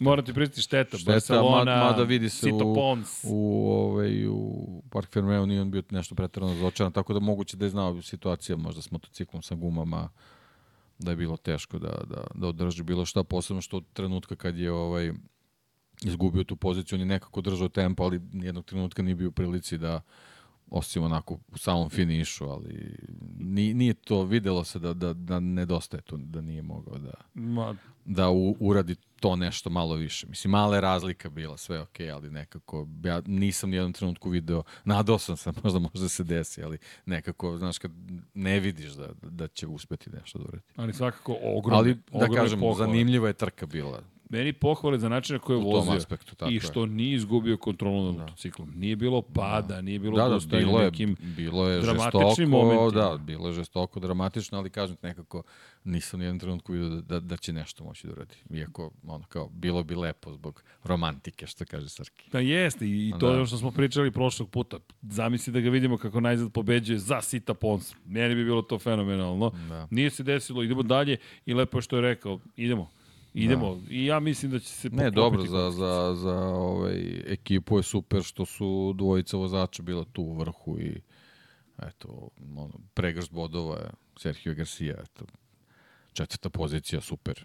Mislim, to je, to je baš, baš lep rezultat. Garcia koji Da. je upotpunio Da, ceo taj da. doživljaj. Novajlija, pri čemu, kao što si rekao, četvrta pozicija. Ali generalno nekako, eto, Garcia i Gonzales koji je bio iza njega, a realno su trebali da budu iza Koste. Tako je, takav je tempo bio, ali Ali, ne misle svi kao mi. ali, Alonsovanje, da ne kažem Lopezova. Da, okej, okej. Dešava da. se. Vidi, ono što mene sad samo Meni zanima samo, sledeća samo mi je trka. o, problem ako se Acosta tu opredeli za tu situaciju da sad kontroliše ovaj, šampionat sa, sa tim nekim rezultatima. Rano to. ako se opekao zbog, zbog tih nekih uh, agresivnijih vožnji gde je hteo da napravi dominaciju i dominantne pobede, pa je shvatio da, da to možda ne može tako, pa sad ako je ta neka kontrola, to što kažeš, suviše rano i imaš Dixona koji sa dve, tri dobre trke stvarno može već i onda početi zade za glavobolju mnogo više od Arbolina. 15 ali pojena dokradio na ovoj trci. Mizano može baš onako da smućka jako zanimljivu situaciju. Ko ti je tip? No, a Kosta. A Kosta? Da, da. Da, da, svi, svi gledamo, ka, iskreno isto gledam kao Kosti. Da. Imam, os, imam osjećaj da ne mislim da će Osim juriti ako dominaciju. hoćeš spektakl opet. Hoću naravno spektakl. Pa nemam pojma. Razmisli. Sp- Spektakl? Za spektakl je zadužen Sam Lowe's. Može. Može. Sam Lowe's. To bi bilo zanimljivo. Htio sam kažem Somki od Pa Čantra, da ali pričamo rano je. kako pogrešen vozač Mark VDS pobedio. e, ne, vidi, njih dvojica na smenu. Kad očekuješ od jednog pobeđuje onaj drugi. Kad treba onaj drugi Da. pobeđuje onaj prvi. Pošto Sam po tom nekom receptu da se pojavi tako s vremena na vreme, eto, što da ne u Ima jednu pobedu. Pa da. Somki od Čantra. Čantrino vreme sad dolazi. Sad idemo tamo, ka kući. Sad će Čantra tu negde da iskoči. Čantra koji je deveti. Inače, Čantra 14. Nije ništa tu nešto pretredno prikazao. Kao ni Ayogura. Ayogura meni možda najveće razočara... razočaranje. Najveći promašaj u prognozama i očekivanjima. Sedma pozicija, pri čemu je bio u prvom startnom redu. Delovo mi je stvarno dobro, kroz sve treninge, tempo za trku. Mislim da je vetar zaista mnogo uticao na, na veliki broj vozača, jer je promenio situaciju, ali opet to ne može da bude opravdanje. Ako ti planiraš da budeš šampion sveta kao Agura koji želi da, da jel te, dođe do vrha, pri čemu stalno imamo situacije. Pobjedničko postolje, prosečna trka. Pobjedničko postolje, prosečna trka ajde, ali meni nekako najveći podbačaj od svih onih stvari koje smo videli. Naravno, to nije neka preterana kritika, samo eto, konstatacija. Ne bih se ja previše zadržavao dalje u da moto dvojkama, ne zamerite, ali lepa trka iz perspektive takmičenja, a Kosta koji je to ponovo bio poveo, pa ponovo Da, lepa izgubio. trka i ishod nas malo onako dovodi u situaciju da možda dobijemo zanimljiv finiš sezone, ko zna. Nekako se sad, sad se to tako smućkalo. i devet trka pre kraja u vrlo kratkom vremenskom periodu biće ozbiljan test za sve vozače. Naravno, najbolji, jel te, dolazi do titule i živo me zanima sada i iz perspektive Koste koji treba da ode u Moto Grand Prix, pretpostavljam, šta ti, kako nastupaš, šta radiš i da li će zaista biti šampion sveta na kraju. Pa ne, poenta je to što si rekao, ta, ta reč je ključna. Treba da ode u Moto Grand Prix, mi dalje nemamo... ne, nemamo potvrdu. Nemamo potvrdu. Nema, toga. nema. A ti ne pobeđuješ. Da. I nisi dominantan Pa kao što delo treba da delo budeš. je da on ima taj neki pritisak. I vidi, deki, ovo, ovo, Za razliku Dixona koji je rešio 24. Pričali smo ovako, nije on Mark Marquez, nije Valentino Rossi, ali ne da bismo rekli da on loši od Marka Marqueza ili Valentino Rossi, već zato što je svaki od njih ličnost za sebe. Pedro Costa je ličnost za sebe. Međutim, i u 2021. godini, kada je osvojio titulu u Moto3 klasi, i sada, ja ne vidim da je on Mark Marquez ili Valentino Rossi. Ni Marquez ni Rossi nisu dozvoljavali ove situacije. Kakve god da su okolnosti, Nisu dozvoljavali okolnosti, oni su dozvoljavali situaciju u kojima pobedi malo, pa me nema, pa sam drugi, treći, četvrti. Ja, ne to, nego, znaš, meni je... ne, ne mogu sad da ga optužujem zato što ni, ne bi trebalo tako, ali ovaj, ja ne vidim da on a, rešava, rešava situaciju sa Alonsom. Ne, Nije ne, reagovao Nije, nije reagovao, ne. Apsolutno ne reaguje. Zamisli. Valentina Rosija. Da si mu ono uradio. situacijama. Ne, ne jednom, da, više, više puta, puta, već. Pa znamo kako se završavalo. Završavalo se pesničenjem u Barceloni između njega i Bjađija. Jel tako? Sa, Bja, sa Maxom Bjađijem da. imaju najgrublje incidente. I kako je bilo? Pa recimo, da, možemo to da poredimo s tom situacijom, mada dobro... Malo je grublji bio Bjađi u Pa da, ali priči. je Ima malo, malo drugačije priče, Jeste, da, da, da, ali, ali te neke situacije koje su desile na stazi liče, liče na te Izvini, duele. Da. Seti se Mika Duana i Aleksa Krivija. Kad mu je Krivije jednom uleteo, pa je Duan došao, zaista je bilo neprijatna scena. Ulazi u garažu i ajde popričamo ti. O čemu pričam? Pa, znaš, kako si ono ušao u prvu krivinu. Molim? Kako si ono ušao? A, a klubski su kolege. Ljudi, to je najneprijatnija scena koju ja pamtim iz tog perioda motociklizma, gde je Duan došao i ti imaš osjećaj da će bukvalno da bije Aleksa Krivija i su da razgovaraju, ali ti je jasno da je došao iskusniji, stariji šampion da objasni mladom vozaču da, ej, da. Šta je A bilo? ovde kao da je situacija da, da je Akosti neprijatno što je zvezda i da se plaši kako će neko da protumači njegovu ne znam, Da, grubu reakciju i tako dalje i tako dalje. Aha, javno mnjenje. Ja vidi, vidi on tu sad glumi zvezdu. Znaš, mo, O. možda, možda se lomi sad tu. Duana to nije brinulo. Pa dobro, to dobro. uopšte nije brinulo. Duan je je već bio... mnogo vremena prošlo, ovo je, Naravno. ovo je ipak, ipak je on još mladi i eto, gradi tu neku Jeste. priču. Ovaj, tako da, ko zna s čim se on sve bori. Sad je baš nezgodan period i života i karijere za njega. A očekivanja su ogromna. Očekivanja su ogromna. Baš me zanima iskreno kako će se sve to završiti i, hajde da vidimo Mizano. Mislim da je velika trka Mizano za Pedra Kostu pre svega, ali i za Toni Arbolina. Ako Toni dođe opet u neku igru, jer Toni nije van borbe za titulu šampiona sveta. On, on a Kosta nije se rešio Tonija. Toni i dalje je tu. 22 poena, 22 poena. To za teli čas se promeni. Da, to samo je problem što on ne pokazuje nikakvu sigurnost. To je, znaš, Ne, on ide, on nije, isto ovo, Toni. nije ovo trka za dve nedelje, ovo je trka bukvalno za, za Sad, par, par odmah. dana, a on je sad trenutno u takvoj formi kako jeste. Samo, to je taj, problem. samo to ta činjenica da je Italija. Tako je. Samo to. Samo to, da. To, To, to. to. možda ga, da nešto kad udahne, kad dođe na stazu, kad udahne taj Morski vazduh, tako kaže, je. idemo. Idemo u akciju. Pa vidi, ako mu to ne pomogne, teško će biti u nastavku sezone. Teško će biti u nastavku sezone predviditi ko će da bude šampion sveta. Moto3 kategorije. Deki, opšti haos, ne znam šta smo sve mi imali u, u Moto trojkama, baš je bilo uzbudio, bilo je dobro. Druga pobjeda u tri trke za Novajliju Davida Alonsa, Alonso i Jorge Martinez za Spar, opa, ozbiljno. Inače, dvostruka pobjeda za Spara. Dixon u Moto dvojkama, u Moto trojkama Alonso, Alonso koji je stigao kao zvezda, sve više stvari se dešava koje idu na ruku Davidu Alonsu, 50 pojena u Pa, trke. Eto, ajde, čekao sam da dođe do, do, do Moto trojki da kažemo da je, da je vikend u Barceloni u stvari bio sumrak favorita. Može, Za Banjaja, Banjaju, za Kostu. za Kostu i za Olgada. Pa, doći ćemo i do Moto E klase. Jordi Torres, koji je vodio od ovoga vikenda prvi pad cele sezone. Eto, Eto, u sve četiri kategorije koje smo imali prilike da pratimo, vodeći u šampionatu, sve tu imali probleme. rest my case. O, to bi bilo to. Vlado, Ajmo, Patreon ili da? De, Vlado, gde ti je Čekić? Boing, gasi, Deki nas je ugasio. Deki je poentirao i... Sumrak, mrak. Sumrak Ajmo. mraka. Daniel Olgado, bez poena, pad u poslednjoj Svoja krugu, greška. Sobstveno, zaista izgledalo kao da ga neko pomirio. Ne, samo izgubio kontrolu. Znaš na koga me podsjetio? Danny Kent. Se Sećaš Danny Kenta, Aragon 2015. Ima titul u rukama, samo treba da završi trku. I manje više, tri poena posle toga da osvoji sve završeno. I on u poslednjoj krivini, njemu zadnji kraj ode nekim svojim putem i toga se baš upečatljivo sećamo. Jedna šašava čudna sezona. Njegovi roditelji su dolazili iz trke u trku da proslave titulu. Danny Kent uporno nije završavao trke. Roditelji su bukvalno, svi smo očekivali četiri trke, tri trke pre kraja da osvoji titulu i mi dolazimo u situaciju Danny Kent možda i neće biti šampion. Da. Poslednja trka sezone Valencija, čuvena 2015. u Moto Grand Prix-u, Lorenzo protiv Rosija, a Danny Kent u Moto trojkama i koga je bio u Leopard Racingu, toga se sećamo prva sezona Leoparda i klubski kolega, jao, Hiroki Ono. Hiroki ono koji se sa, sa Denijem Kentom, iako su mu jedino u Leopardu što su mu rekli, rekli su mu samo nemoj da se boriš s Denijem. Samo ne se boriš s Denijem. Ako si ga pretekao, to je to. Ili ga pusti. I Hiroki ono ulazi u ne jedno, u tri preticanja protiv Denije Kenta i sećam se, sećam se Kotura koji ovako zapanjeno stoji, gleda i pitali smo ga posle, kaže, ne, nemam objašnjenje. Pričali smo sa Hirokijem i dogovor je bio, samo nemoj da ga napadaš. Ili ako si ga pobedio, pobedi. kaže, ispitali su ga, što?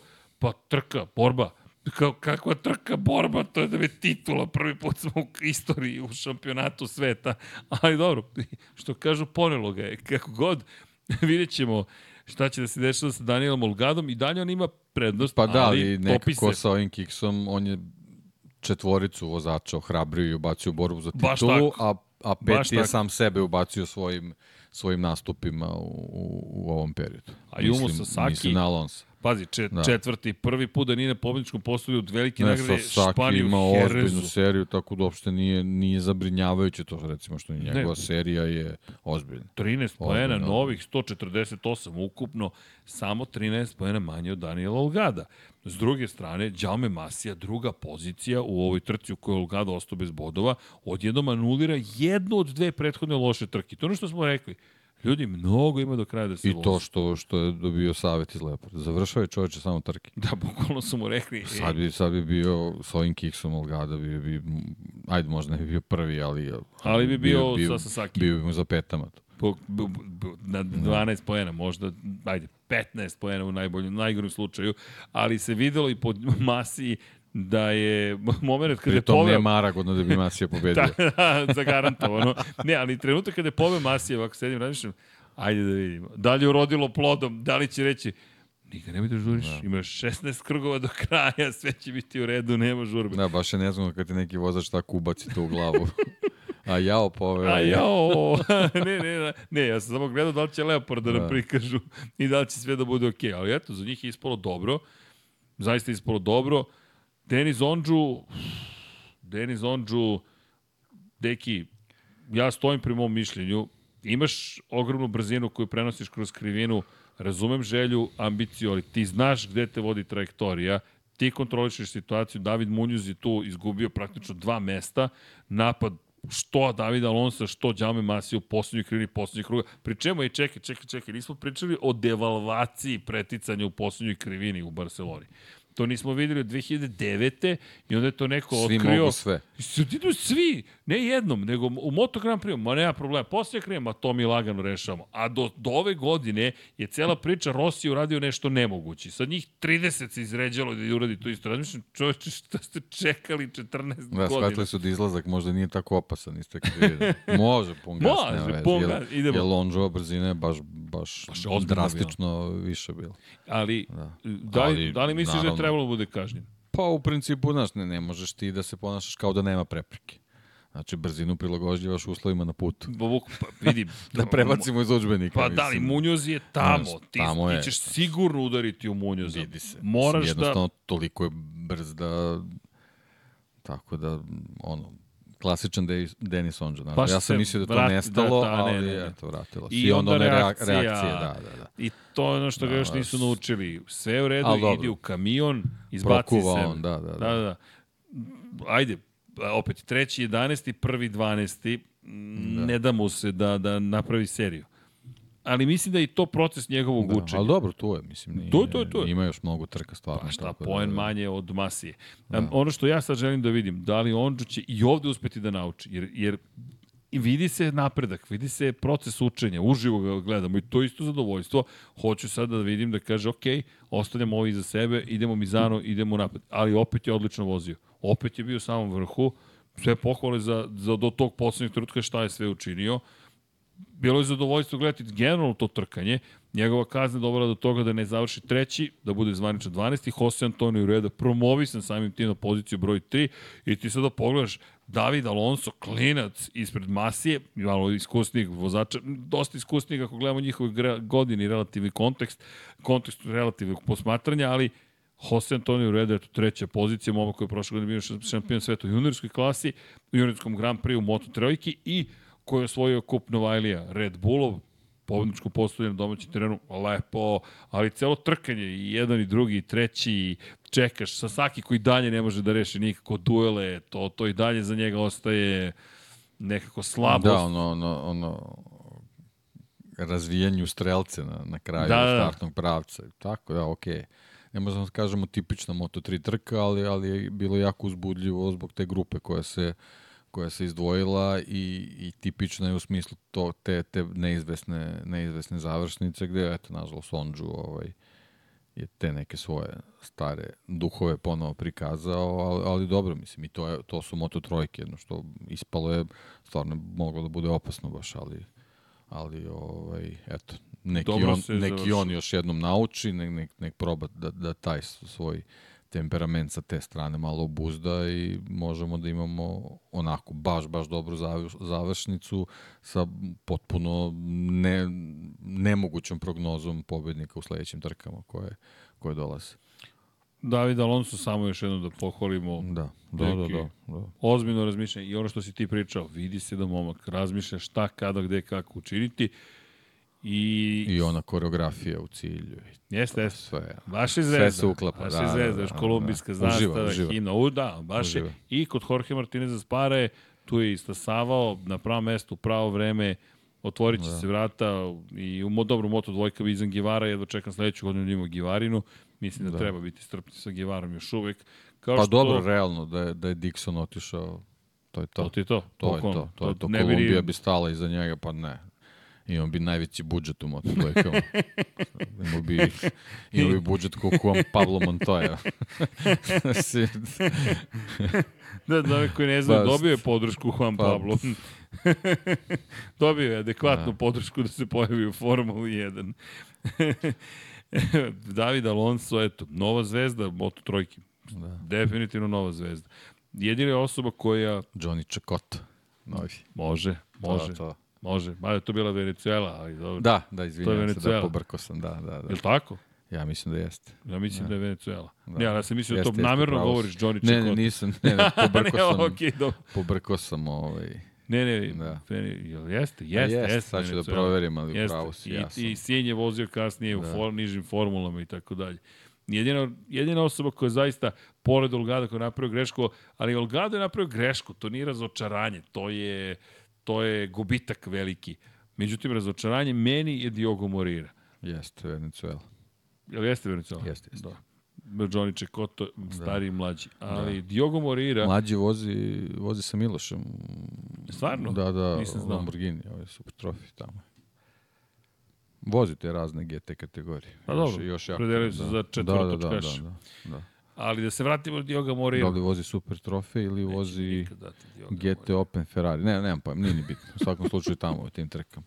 Već sam kiksnuo sve, sa Kolumbijom, tako da sve okej. Vlado, šta misliš, Izvoli. da li je čuo za Dioga Moriru? Na ovoj trci nisam. ne, ne, tri puta sam rekao da. Da. Diogo Morira Da, za da, razočaranje. da. Johnny Čekoto, Venezuela. Ne, Da, kažem, Diogo- nisam čuo na ovoj trci, tako da nastavljam dalje da ne čujem, pošto ovaj, Ok, ok, shvatio, shvatio, malo slabije baš sam, danas. baš sam, ovaj, mislim, to sad kao on izgovara, baš sam indisponiran. Nešto, nešto se desilo. Pazi, loše. Baš je loše. Ni trenizi, ni kvalifikacije, ni trka, ništa. I prvi put ove sezone izuzimam Francusku gde, gde nije stigao do cilja da je toliko loš. Čak ni u Holandiji gde je bio 12. nije bio toliko loš. Što ti kažeš neprimetan. Neko čuo za Dioga Morira. Jednostavno, nigde se Pa nije pojavio. Prve tri, tri trke sezone i to je to, realno. Ovo ostalo, vozio se na tu, da kažemo, slavu, ali nema tu ništa od toga, to je ma- mali broj bodova. Jeste. Ali opet ona priča od prošle nedelje, Teo Martin preuzima Pa dobro, ekipu okej, Sito Ponsa, pa ćemo vidjeti, otvaraju mu vrata Moto dvojki. sve je okej, ali ovaj, ne, nema, nemaš, kako bih rekao, ne, ne nastavlja se ovaj, ta reputacija koju si prošle godine već, već izgradio. Znači, sad Mora si, mora si da nastaviš sa tom pričom. Lako je kad imaš podršku da napreduješ, ali moraš ovaj, i, i nešto da opravdaš rezultatima. Ovo je baš sad već jako, jako dug period, gde apsolutno se ništa ne dešava. Mislili smo na kao pauza, pa kad prođe pauza, pa ništa. Tako da... Sedmi, E, glupo je, glupo je trošiti vreme na, to. Jednostavno, ne, nemaš ga u fokusu ni, ni, ni u jednom segmentu trkačkog vikenda. To, to je za Moto trojke, onako baš oz, ozbiljan prostor da, ovaj, da baš ništa ne uradiš. Pa da, polako prestajemo da ga pratimo zapravo. Ovo je spominjanje na kontu toga što je sedmi u šampionatu što eto, sve Sad nešto naš čekamo. lupom trebaš da, da kažeš i da, da za Tatsuki Suzuki kao, kao to je ime, ali šta ime kad nema, nema rezultata nigde.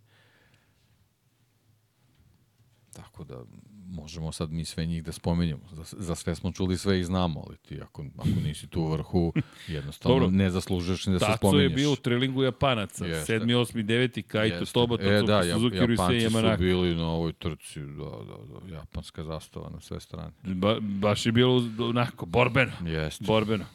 Dobro, malo se pojavili italijani, Stefano Epa, Ricardo Rossi, Nepa produžio ugovor, pa odvezao lepu trku i to je otprilike to. Tajo Furusato mislim da zaslužuje jedino dodatne pohvale, zašto poprobio se u Q2 deo kvalifikacije svoje dva poena. Možda neko znači, šta, šta pričate, što pohvale?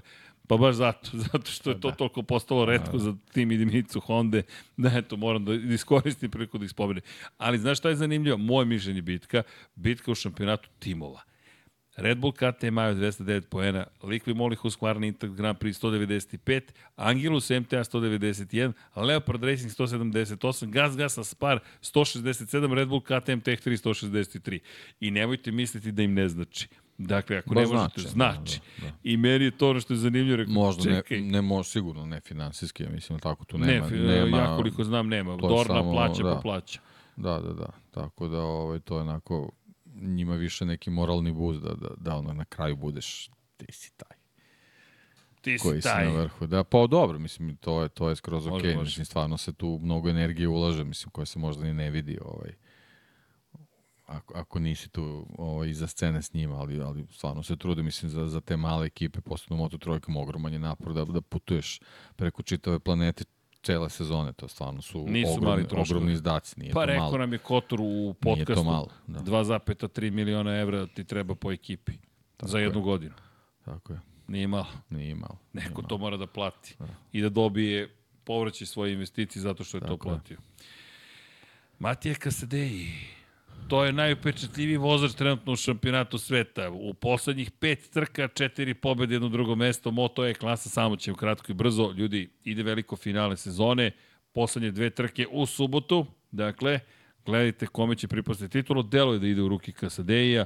21 poen prednosti u odnosu na Đordije Torresa. Prvi pad cijele sezone za Torresa u drugoj trci u Kataloniji imao je lepu šansu da, da zapravo ostane u toj bitci za titulu, do, to jest da i dalje drži prvu poziciju. Mantovani pokvario sve čovjek. Jeste, Čovjek se probudio, došao, prvi, drugi. Bukvalno, Andreja Mantovani, da ga Otkud pitaš šta ovde, stadi, čoveče? zašto. Čekaj, u prvoj trci pogotovo, ja mislim da ga niko živi nije očekivao, ali meni je jak njegov styling. Da. Duga kosica, ove moderne naučare kao šofer šajbu, Da. da. čo, mada sam ja to dobio, moram priznati, od Ducatija, pa to onda moraš da nosiš na snegu, ali ovde nije snega bilo, ali super mi je bio, zato što je mnogo simpatičan, drag i iskren. I slušaš čoveka koji, hvala svima, čao, ljudi, mnogo mi je lepo u Španiji, pozdrav za špansku publiku, onda druga trka.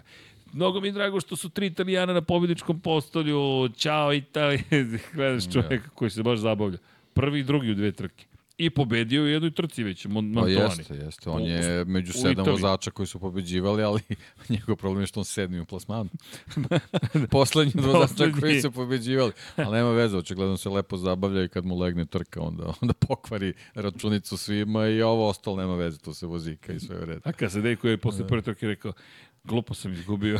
Prvo, mislim da zaista nije očekivao će Mantovani da ga napadne, ali ko je očekivao? ko je očekivao? Ja, ja nisam još. Još komentari su nešto, Da, evo ga da. Mantovani. Čekaj, ovaj čovjek Da. ide na pobedu, sve je okej. Ali dobro, kakav Dobro. bi to moto je bio da, da u Mizanu ne bude neko, neka ludnica. Naravno da ne bude potpuni haos, ali dobro. U kojoj će pobediti Jordi Torres. Jordi Torres osvaja titulu lagano. Sećaš se protiv Dominika Pa Egertera. stalno nešto, da. Domi koji je Nešto se otvori da on bude taj, da. Da, da. Inače, Garza stajao na pobedničkom postovu iza Mantovanije Kasadeja. U prvoj trci, u drugoj Nikola Spinelli iza opet Kasadeja, to jest Mantovanija.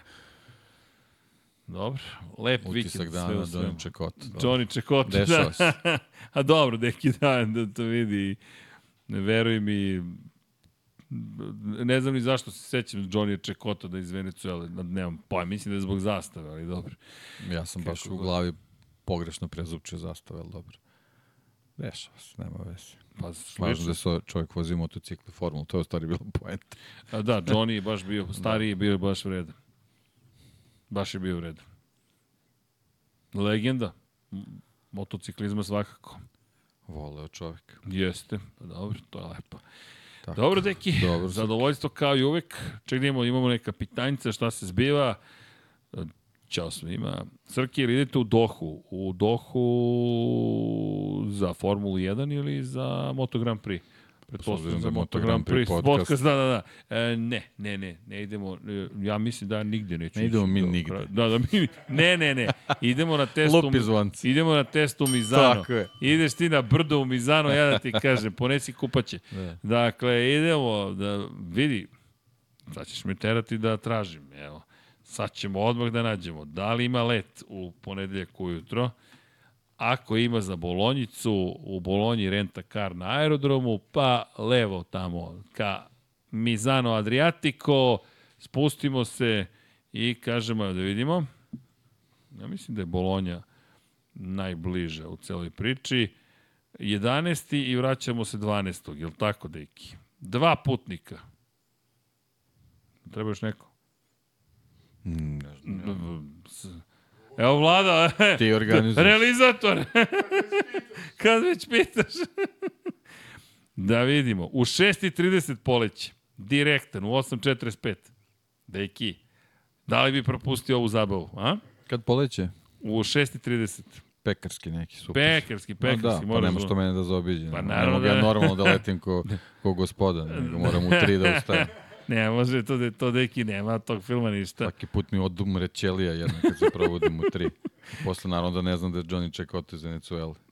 Mislim da te to posebno potreslo ako dobro vidim. E, ali pazi sad ovo.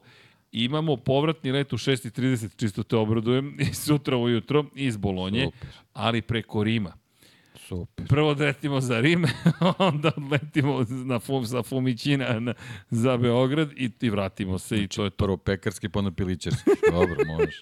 Okay. A što bismo spavali uopšte Pa ikada? veze, da. to je tako precenjeno. Ja znam jedan, do, jedan dobar hotel koji uopšte nije skup negde usput. Ne pojma kako se zove mesto svaki put taj hotel. Jer je super i, i, i baš su dragi ljudi, ništa te ne pitaju, ostaviš sve, čak i za plaćanje. Plati, ti ostaviš pare, odeš i ćao. Baš onako domaćinski. Platimo Lepo. svaki put. Jeste. Deki, ok, moramo da sednemo da porazgovaramo o ovom planu, zato što sve sve, ali ovo 6.30 i mene boli, moram ti priznati da me ozbiljno boli. A da vidi, to je vidim. 1000 km, to uopšte nije daleko. Šta ćemo da vozimo? To je 8 sati. Kako 8 sati, kojem, šta, kako? Prosječna brzina je 120 na sat. Šta? Deki, pa da, znam, ali uz stajanja, Koja granice... staja nema stajanja? Pa kako, granica? Splash and dash. Splash and dash. Dobro. Da. Ajde, je, ali, ili Šalim se, šalim se. 1000, dobro, 1000, Hiljadu ti 1000 je deset granica. 1010 sati 1000 sigurno. km je granica za automobil. Dobro. A, čekaj, pitanje, to smo ono što smo rekli. A, pitanja, pitanja, pitanja. Srki, jel znate da Zarko više ne može da uradi salto, zato je prešao u Hondu da ne bi slučajno pobedio. E, Nismo znali, ali, ali, ali okej. Okay. Crke, ko je pobedio te 2015. tri puta za redom? Pa to je lagano, Miguel Oliveira. Miguel je pobedio tri puta za redom u toj šampionskoj sezoni i bio je samo po, pet pojena iza Denija Kenta. Je li tako? 100% sam siguran u to. 100% sam siguran u to, dakle, da je to bio moment kada je Oliveira baš došao do izražaja. Ajde da, da proverimo. Da li me sećanje služi... Au, pogrešio sam. Šest poena. Šest poena je bila razlika na kraju, a tri pobede za redom Miguel Oliveira. Naravno, pamtim to kako se, znam koliko smo se radovali što je jednom Miguel počeo da vozi toliko precizno, ali evo ti, Aragon. Dakle, on u Danny Kent u Aragonu već je to, na korak od titule. Zatim idu u Japan, bude šest. Inače, pobedio Aragonu Miguel Oliveira. Drugi je u Japanu Miguel Oliveira. U Australiji Danny Kent ima pol poziciju, ne završi trku pobedi Miguel Oliveira. U Maleziji bude sedmi, pobedi Miguel Oliveira.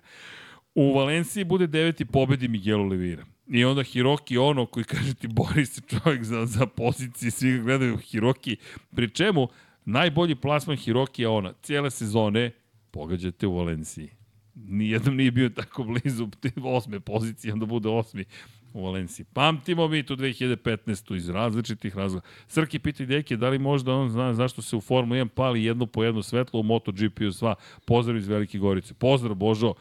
Da li znaš da to nisam uopšte shvatio? Pa pretpostavljam da, da ta- možda ta- ima veze ta- sa kvačilom pregrevanje motora, dok u Moto Grand Prix naviju pa puste pa krenu. Lakše je tako. A u Formuli 1 možda treba i neki menadžment sa... Doktor sa... Potkonjak, Pa, molim vas, znam, profesor, doktor pretpostavljam. Potkonjak. Ajde, raspitat ćemo se. ok. Možda, ne znam. Hvala vam svima. Ali kapiram, kapiram da možda ima veze s tim. Pazi, dobro, dobro je razmišljanje. Ima, Mada sad je, sad je u Monci baš im brzo. 1, 2, 3, 4, 5. a jeste, jeste, u Monci mi baš je bilo, nemoj- kasnimo. Nemoj sajns da mi se pregre. Gasi odmah. Va, moguće, moguće da ima veze s tim, zato što moraju Pa da im smisla. naglase kad će otprilike biti ugašen, dok u Moto Grand Prix oni naviju gas, puste i... I Enea Bastianini. Pa da, sad je, sad je tako.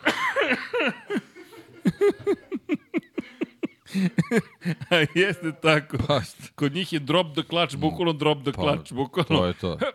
Šta on njima sad treba da, da Pa, im pa, odbrojava? pa jesi video Peko što gleda Pregovore u Aprilije. gleda kako Aprilije puštaju kvačilo. Kaže, gledam vas ja, samo ovako, pa samo otpustite Pa da. i krenete u svoju akciju. Rade ljudi, razvijaju. Rade, ozbiljno rade. Evo, ima smisla. Da, da. Ali eto, pritoćemo. Kaže, ja sam imao boostovog Aleša i Aprilija tima, kako ste vi prošli u fantaziju? To je bilo jedno predno sat možda. Ne, kako to, to se ne- nikada ne desi da neko nema preuranjen start? Ima tu po, povremeno. Pa ima desi. Inače, Jump. kaže, kaže, ne zezajte Deki. Može li Deki utkratko da da komentar u vezi trke Monci, pošto ga juče nije bilo? Ukratko, možete li da date komentar na, za, komen, za trku u Monci? Pa. O, o, veliko očekivanje od Ferrari, ali jednostavno realnost je drugačija. Ovaj, meni je najzanimljivija bila ta borba između Sainca i Leclerca i baš sam onako živo na kraju. Ovaj, I onako, drago mi je što, što, što je Leclerc pokazao ovaj, taj neki deo karaktera koji bi morao da, da pokazuje tokom čitave sezone. A da li ti pajra teorija da je trebalo Ferrari da propusti Leclerca odmah kada je Sainz, kada je Sainz izgubio prvu poziciju, pošto je Sainz mnogo više potrošio gume? Mislim da to ne biva. Mislim da to ne bi moglo da se desi. Ne, ne, ali da li misliš da bi išta promenilo, da bi Leclerc mogao možda u DRS-u da ostane sa Verstappenom? Mislim, ne verujem. Da. Ne verujem. Ne verujem ovaj, i da spomenem Albona. Da, Albon, to, to, to, To je to. Je to. Sainz i Albon, Da. dva heroja. Da, da, da. Ne, ne, bilo je, bilo je dosta duela na stazi, super je bilo. Mene je onako bilo baš, baš interesantna trka. Lepa trka. Jeste, lepo. I kažem, eto, super mi je što je Ferrari bio tu, ali nije dovoljno da budeš samo u Monci. Pa dobro, ali oni su Pa, baš da, sve da, učinili. da, ali vidi, jeste. opet su, moje mišljenje, napravili lep spektakl. Jeste, jeste. Znaš, Bilo- napravio si Da. posebno krilo za Moncu, posebne boje, novi motori, sve si uložio u tu trku. Znaš šta, Baš si se potrudio. Kad imaš naš tako emotivnu trku, pa nešto te vuče da, da, da se spremaš za nju, to su u stvari recepti drugih ekipa. Njih, ta, oni njih uh, nosi svaka trka da se tako spremi.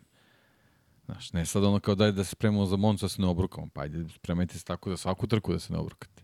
Nego, ne, verovatno nemaš kapacitete da to možeš da uradiš. Ali nema veze, super je bilo. Ja, Super ja, bilo. bilo bi mi jako žao da, da se desilo nešto između njih dvojicu, ovako baš bilo super tr trkanje, ono, ona kasna kočenja i baš lepo. lep provod u Monci. Jest, lepo. Lepo Baš provod. i upotpunio je nekako vikend, pogotovo što smo dobili već informaciju da je Peko Banjaja dobro i onda posle dobre Moto trojke, Da, Moto dvojke, pa i... Jedino što eto, i, to je utisak, Prix. malo onako stvarno je naporno kad je to du- dupli vikend, mislim da dešava se gomilu stvari koje ne možeš da stigneš da procesuiraš, već ti kreće nešto novo, onako stvarno je suviše stvari gde ti možda neke, neki bitni detalji promaknu, zato što jednostavno ne možeš sve da, da pobacaš po klasterima, ne, nisi ono, ne možeš, ne možeš da se defragmentuješ, a već kreće druga trka. Baš je heavy.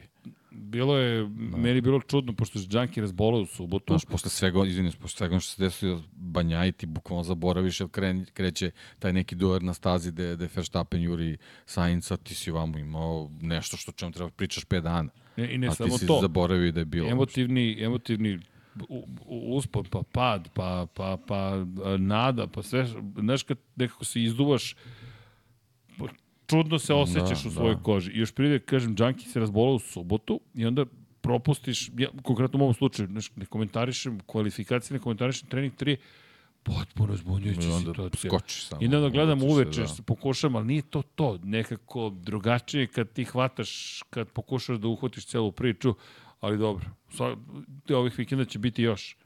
Pustio mi je vijelinu sinoć, ne znam da li znaš. Upoređivali smo Moto Grand Prix Formula 1 kalendar, pa sam pričao šta me, šta me čeka u duplim vikendima.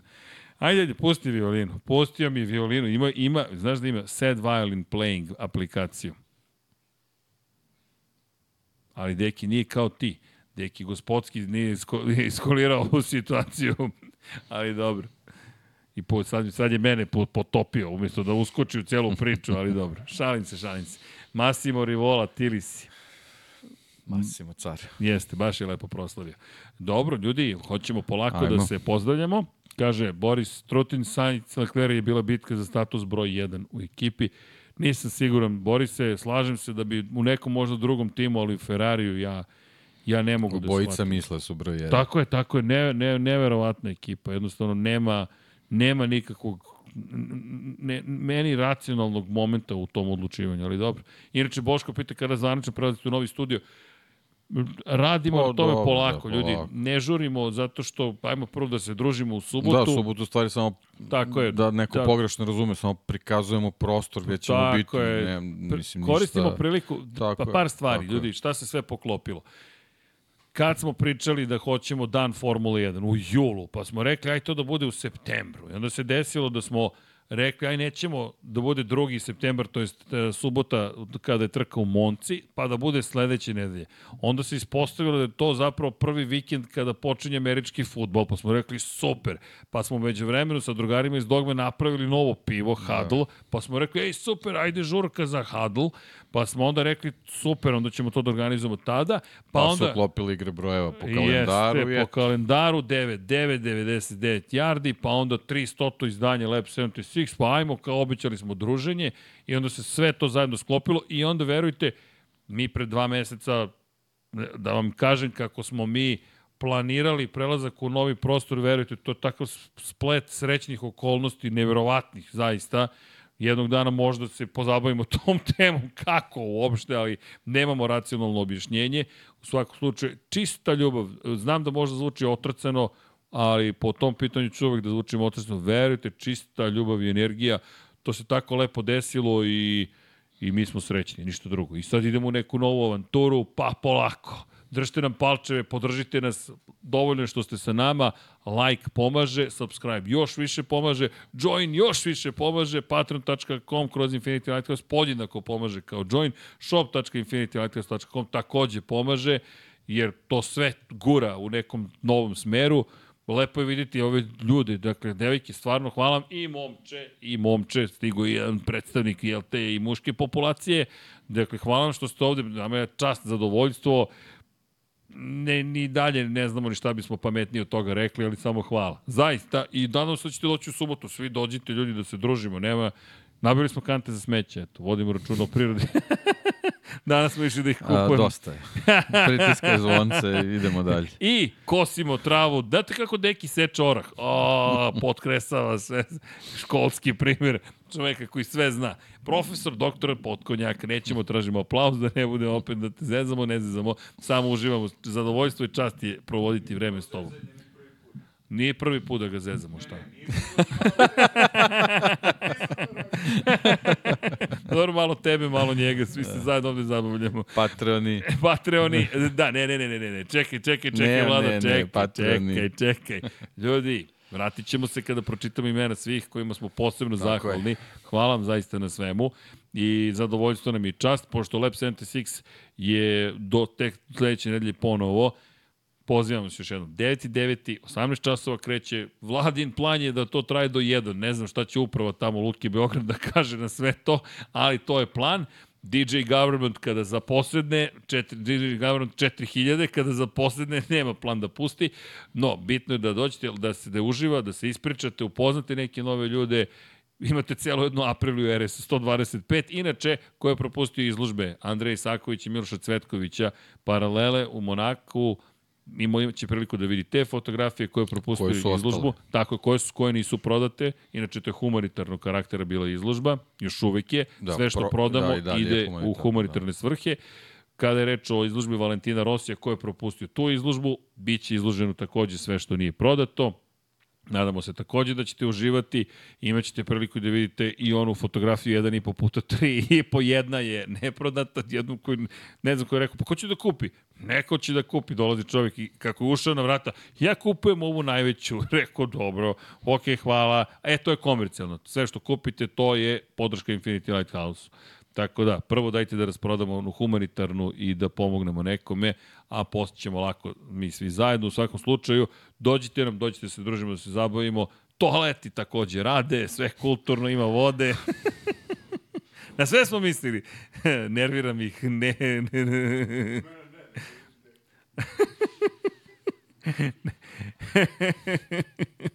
ne vredi. Ne Ne vredi. vredi, jednostavno ne vredi. I ono što možemo da vam kažemo, relansiramo, to je ponovo šaljemo u orbitu kosmos, to, to smo se dogovorili da je vreme da ga oživimo, tako da znate. U svakom slučaju, hvala vam, bilo je ovo 340 izdanja Lab 76, kliknite like, share, subscribe, sve ostale lepe stvari. Hvala posebno patronima i članovima i ono čuvena viđenja na Zoomu takođe ćemo da živimo, to smo se takođe dogovorili. Bilo je dosta zbivanja iza kulisa, ovo je kulminacija tih zbivanja, pa da idemo dalje, da se lepo družimo i da radimo ono što volimo. Sad, Vlado, kad ti kažeš, krećemo u zahvalnice, rođendane čestitke i sve ostale lepe stvari. Kome je rođendan, vidimo se takođe u subotu. Udri, Vlado, slobodno, inače ću ja da pričam i pričam. Alen Stojčić, Milan Milašević, Vladimir Filipović, Miloš Broćeta, Crnogorski džedaj, Stefan Ličina, Bojan Markov, Nenad Simić, Katarina, Ognjen Ungurjanović, Stefan Radosavljević, Antonio Novak, Dušan Ristić, Luka Savović, Aleksandar Jurić, Vladimir Petković, Nemanja Zagorac, Sean Hing, Mirina Živković, Deus Nikola, Živojin Petković, Nikola Marinković, Bahtar Abdurmanov, Đole Bronkos, Đorđe Andrić, Branimir Rijavec, Luka Klaso, Nikola Božinović, Anonimus Donatorus, Žarko Milić, Marko Petrekanović, Dejan Đokić, Marina Mihajlović, Miloš Rosandić, Nikola Grujičić, Mlađan Antić, Ivan Novak Tomić, Ivan Simeunović, Vladan Miladinović, Kovačević Omer, Stefan Vidić, Luka Nedim, Vlada Ivanović, Aleksandar, Predrag Pižurica, Martin Gašpar, Stefan Vuletić, Milan Paunović, Milan Apro, Đorđe Milanović, Stefan Nedeljković, Nedim Drljević, Monika Erceg, Goša 46, Zoran Majdov, Miloš Banduka, Marko Bogavac, Milan, Mario Jelena Komšić, Andrej Božo, Armin Durgut, Marko Ćurčić, Strahinja Brajanovski, Mario Vidović, Mihajlo Krgović, Daniela Ilić, Benjo KK, Andreja Miladinović, Predrag Simić, Lufonac, Đorđe Radojević, Ružica Stefanović, Bojan Majstorović, Jasenko Samrđić, Marko Mostarac, Aleksa Valter, Životić Jovan, Anonimus, Donatorus, Mihovil Stamičar, Ante Primorac, Zoran Šalamun, Boris Kujundžić, Aleksandar Radivojša, Nemanja Jeremić, Nenad Đorđević, Marko Horg, Ivica, Klub štovatelja Ramona Mireza, Inzolin 13, Branko Bisački, Đole, Cheesehead, Ognjen Marinković, Nemanja, Milan Kića, Mladen Mladenović, Darko Trajković, Stevan Zekanović, Stefan Lešnjak, Nebojša Živanović, Marko Marković, Kristijan Šestak, Ivan Maksimović, Marko Kozić, Igor Jankovski, Matija Rajić, Toni Ruščić, Branislav Dević, Andreja Branković, Lazar Pejović, Laslo Boroš, Ferenc Laslofi, Aleksandar Milosavljević, Ivan Rebac, Dušan Delić, Lukas, Marko Radanović, Strahinja Blagojević, Zoltan Mezeji, Marko Kostić, Petar Nujić, Mladen Krstić, Igor Vučković, Ivan Panajotović, Andrej Bicok, Sava Dugi, Gloria Edson, Zorana Vidić, Boris Golubar, Đorđije Lopušina, Borko Božunović, Lazar Hristov, Aleksa Vučaj, Ivana, Kimi Rajkonen, Vojin Kostić, Bojan Bogdanović, Bojan Mijatović, Stefan Stanković, Bata Brada, Nikola Stojanović, Vladidov Dej, Vučinić Miroslav, Ertan Prelić, Dragan Matić, Jugoslav Krasnić, Renata Neš, Luka Martinović, Vladimir Uskoković, Vukašin Jekić, Marin Antunović, Safet Isljami, Vamblisapa, Zoran Cimeša, Veselin Vukićević, Aleksandar Banovac, Ljubo Đurović, Optimistik Josh Allen Fan, Salim Okanović, Klara Gašpar, Anonimus, Donatorus, Mirina Kovačević, Miloš Radosavljević, LFC, Jovan Đodan, Tijana Vidanović, Nedo Lepanović, Ognjen Grgur, Šefko Ćehić, Džigi Bao, Borislav Vukojević, Aleksandar Mitrović, Ivan Maja Stanković, Đole QB4, Tina i Ilija, Jugoslav Ilić, Stefan Milošević,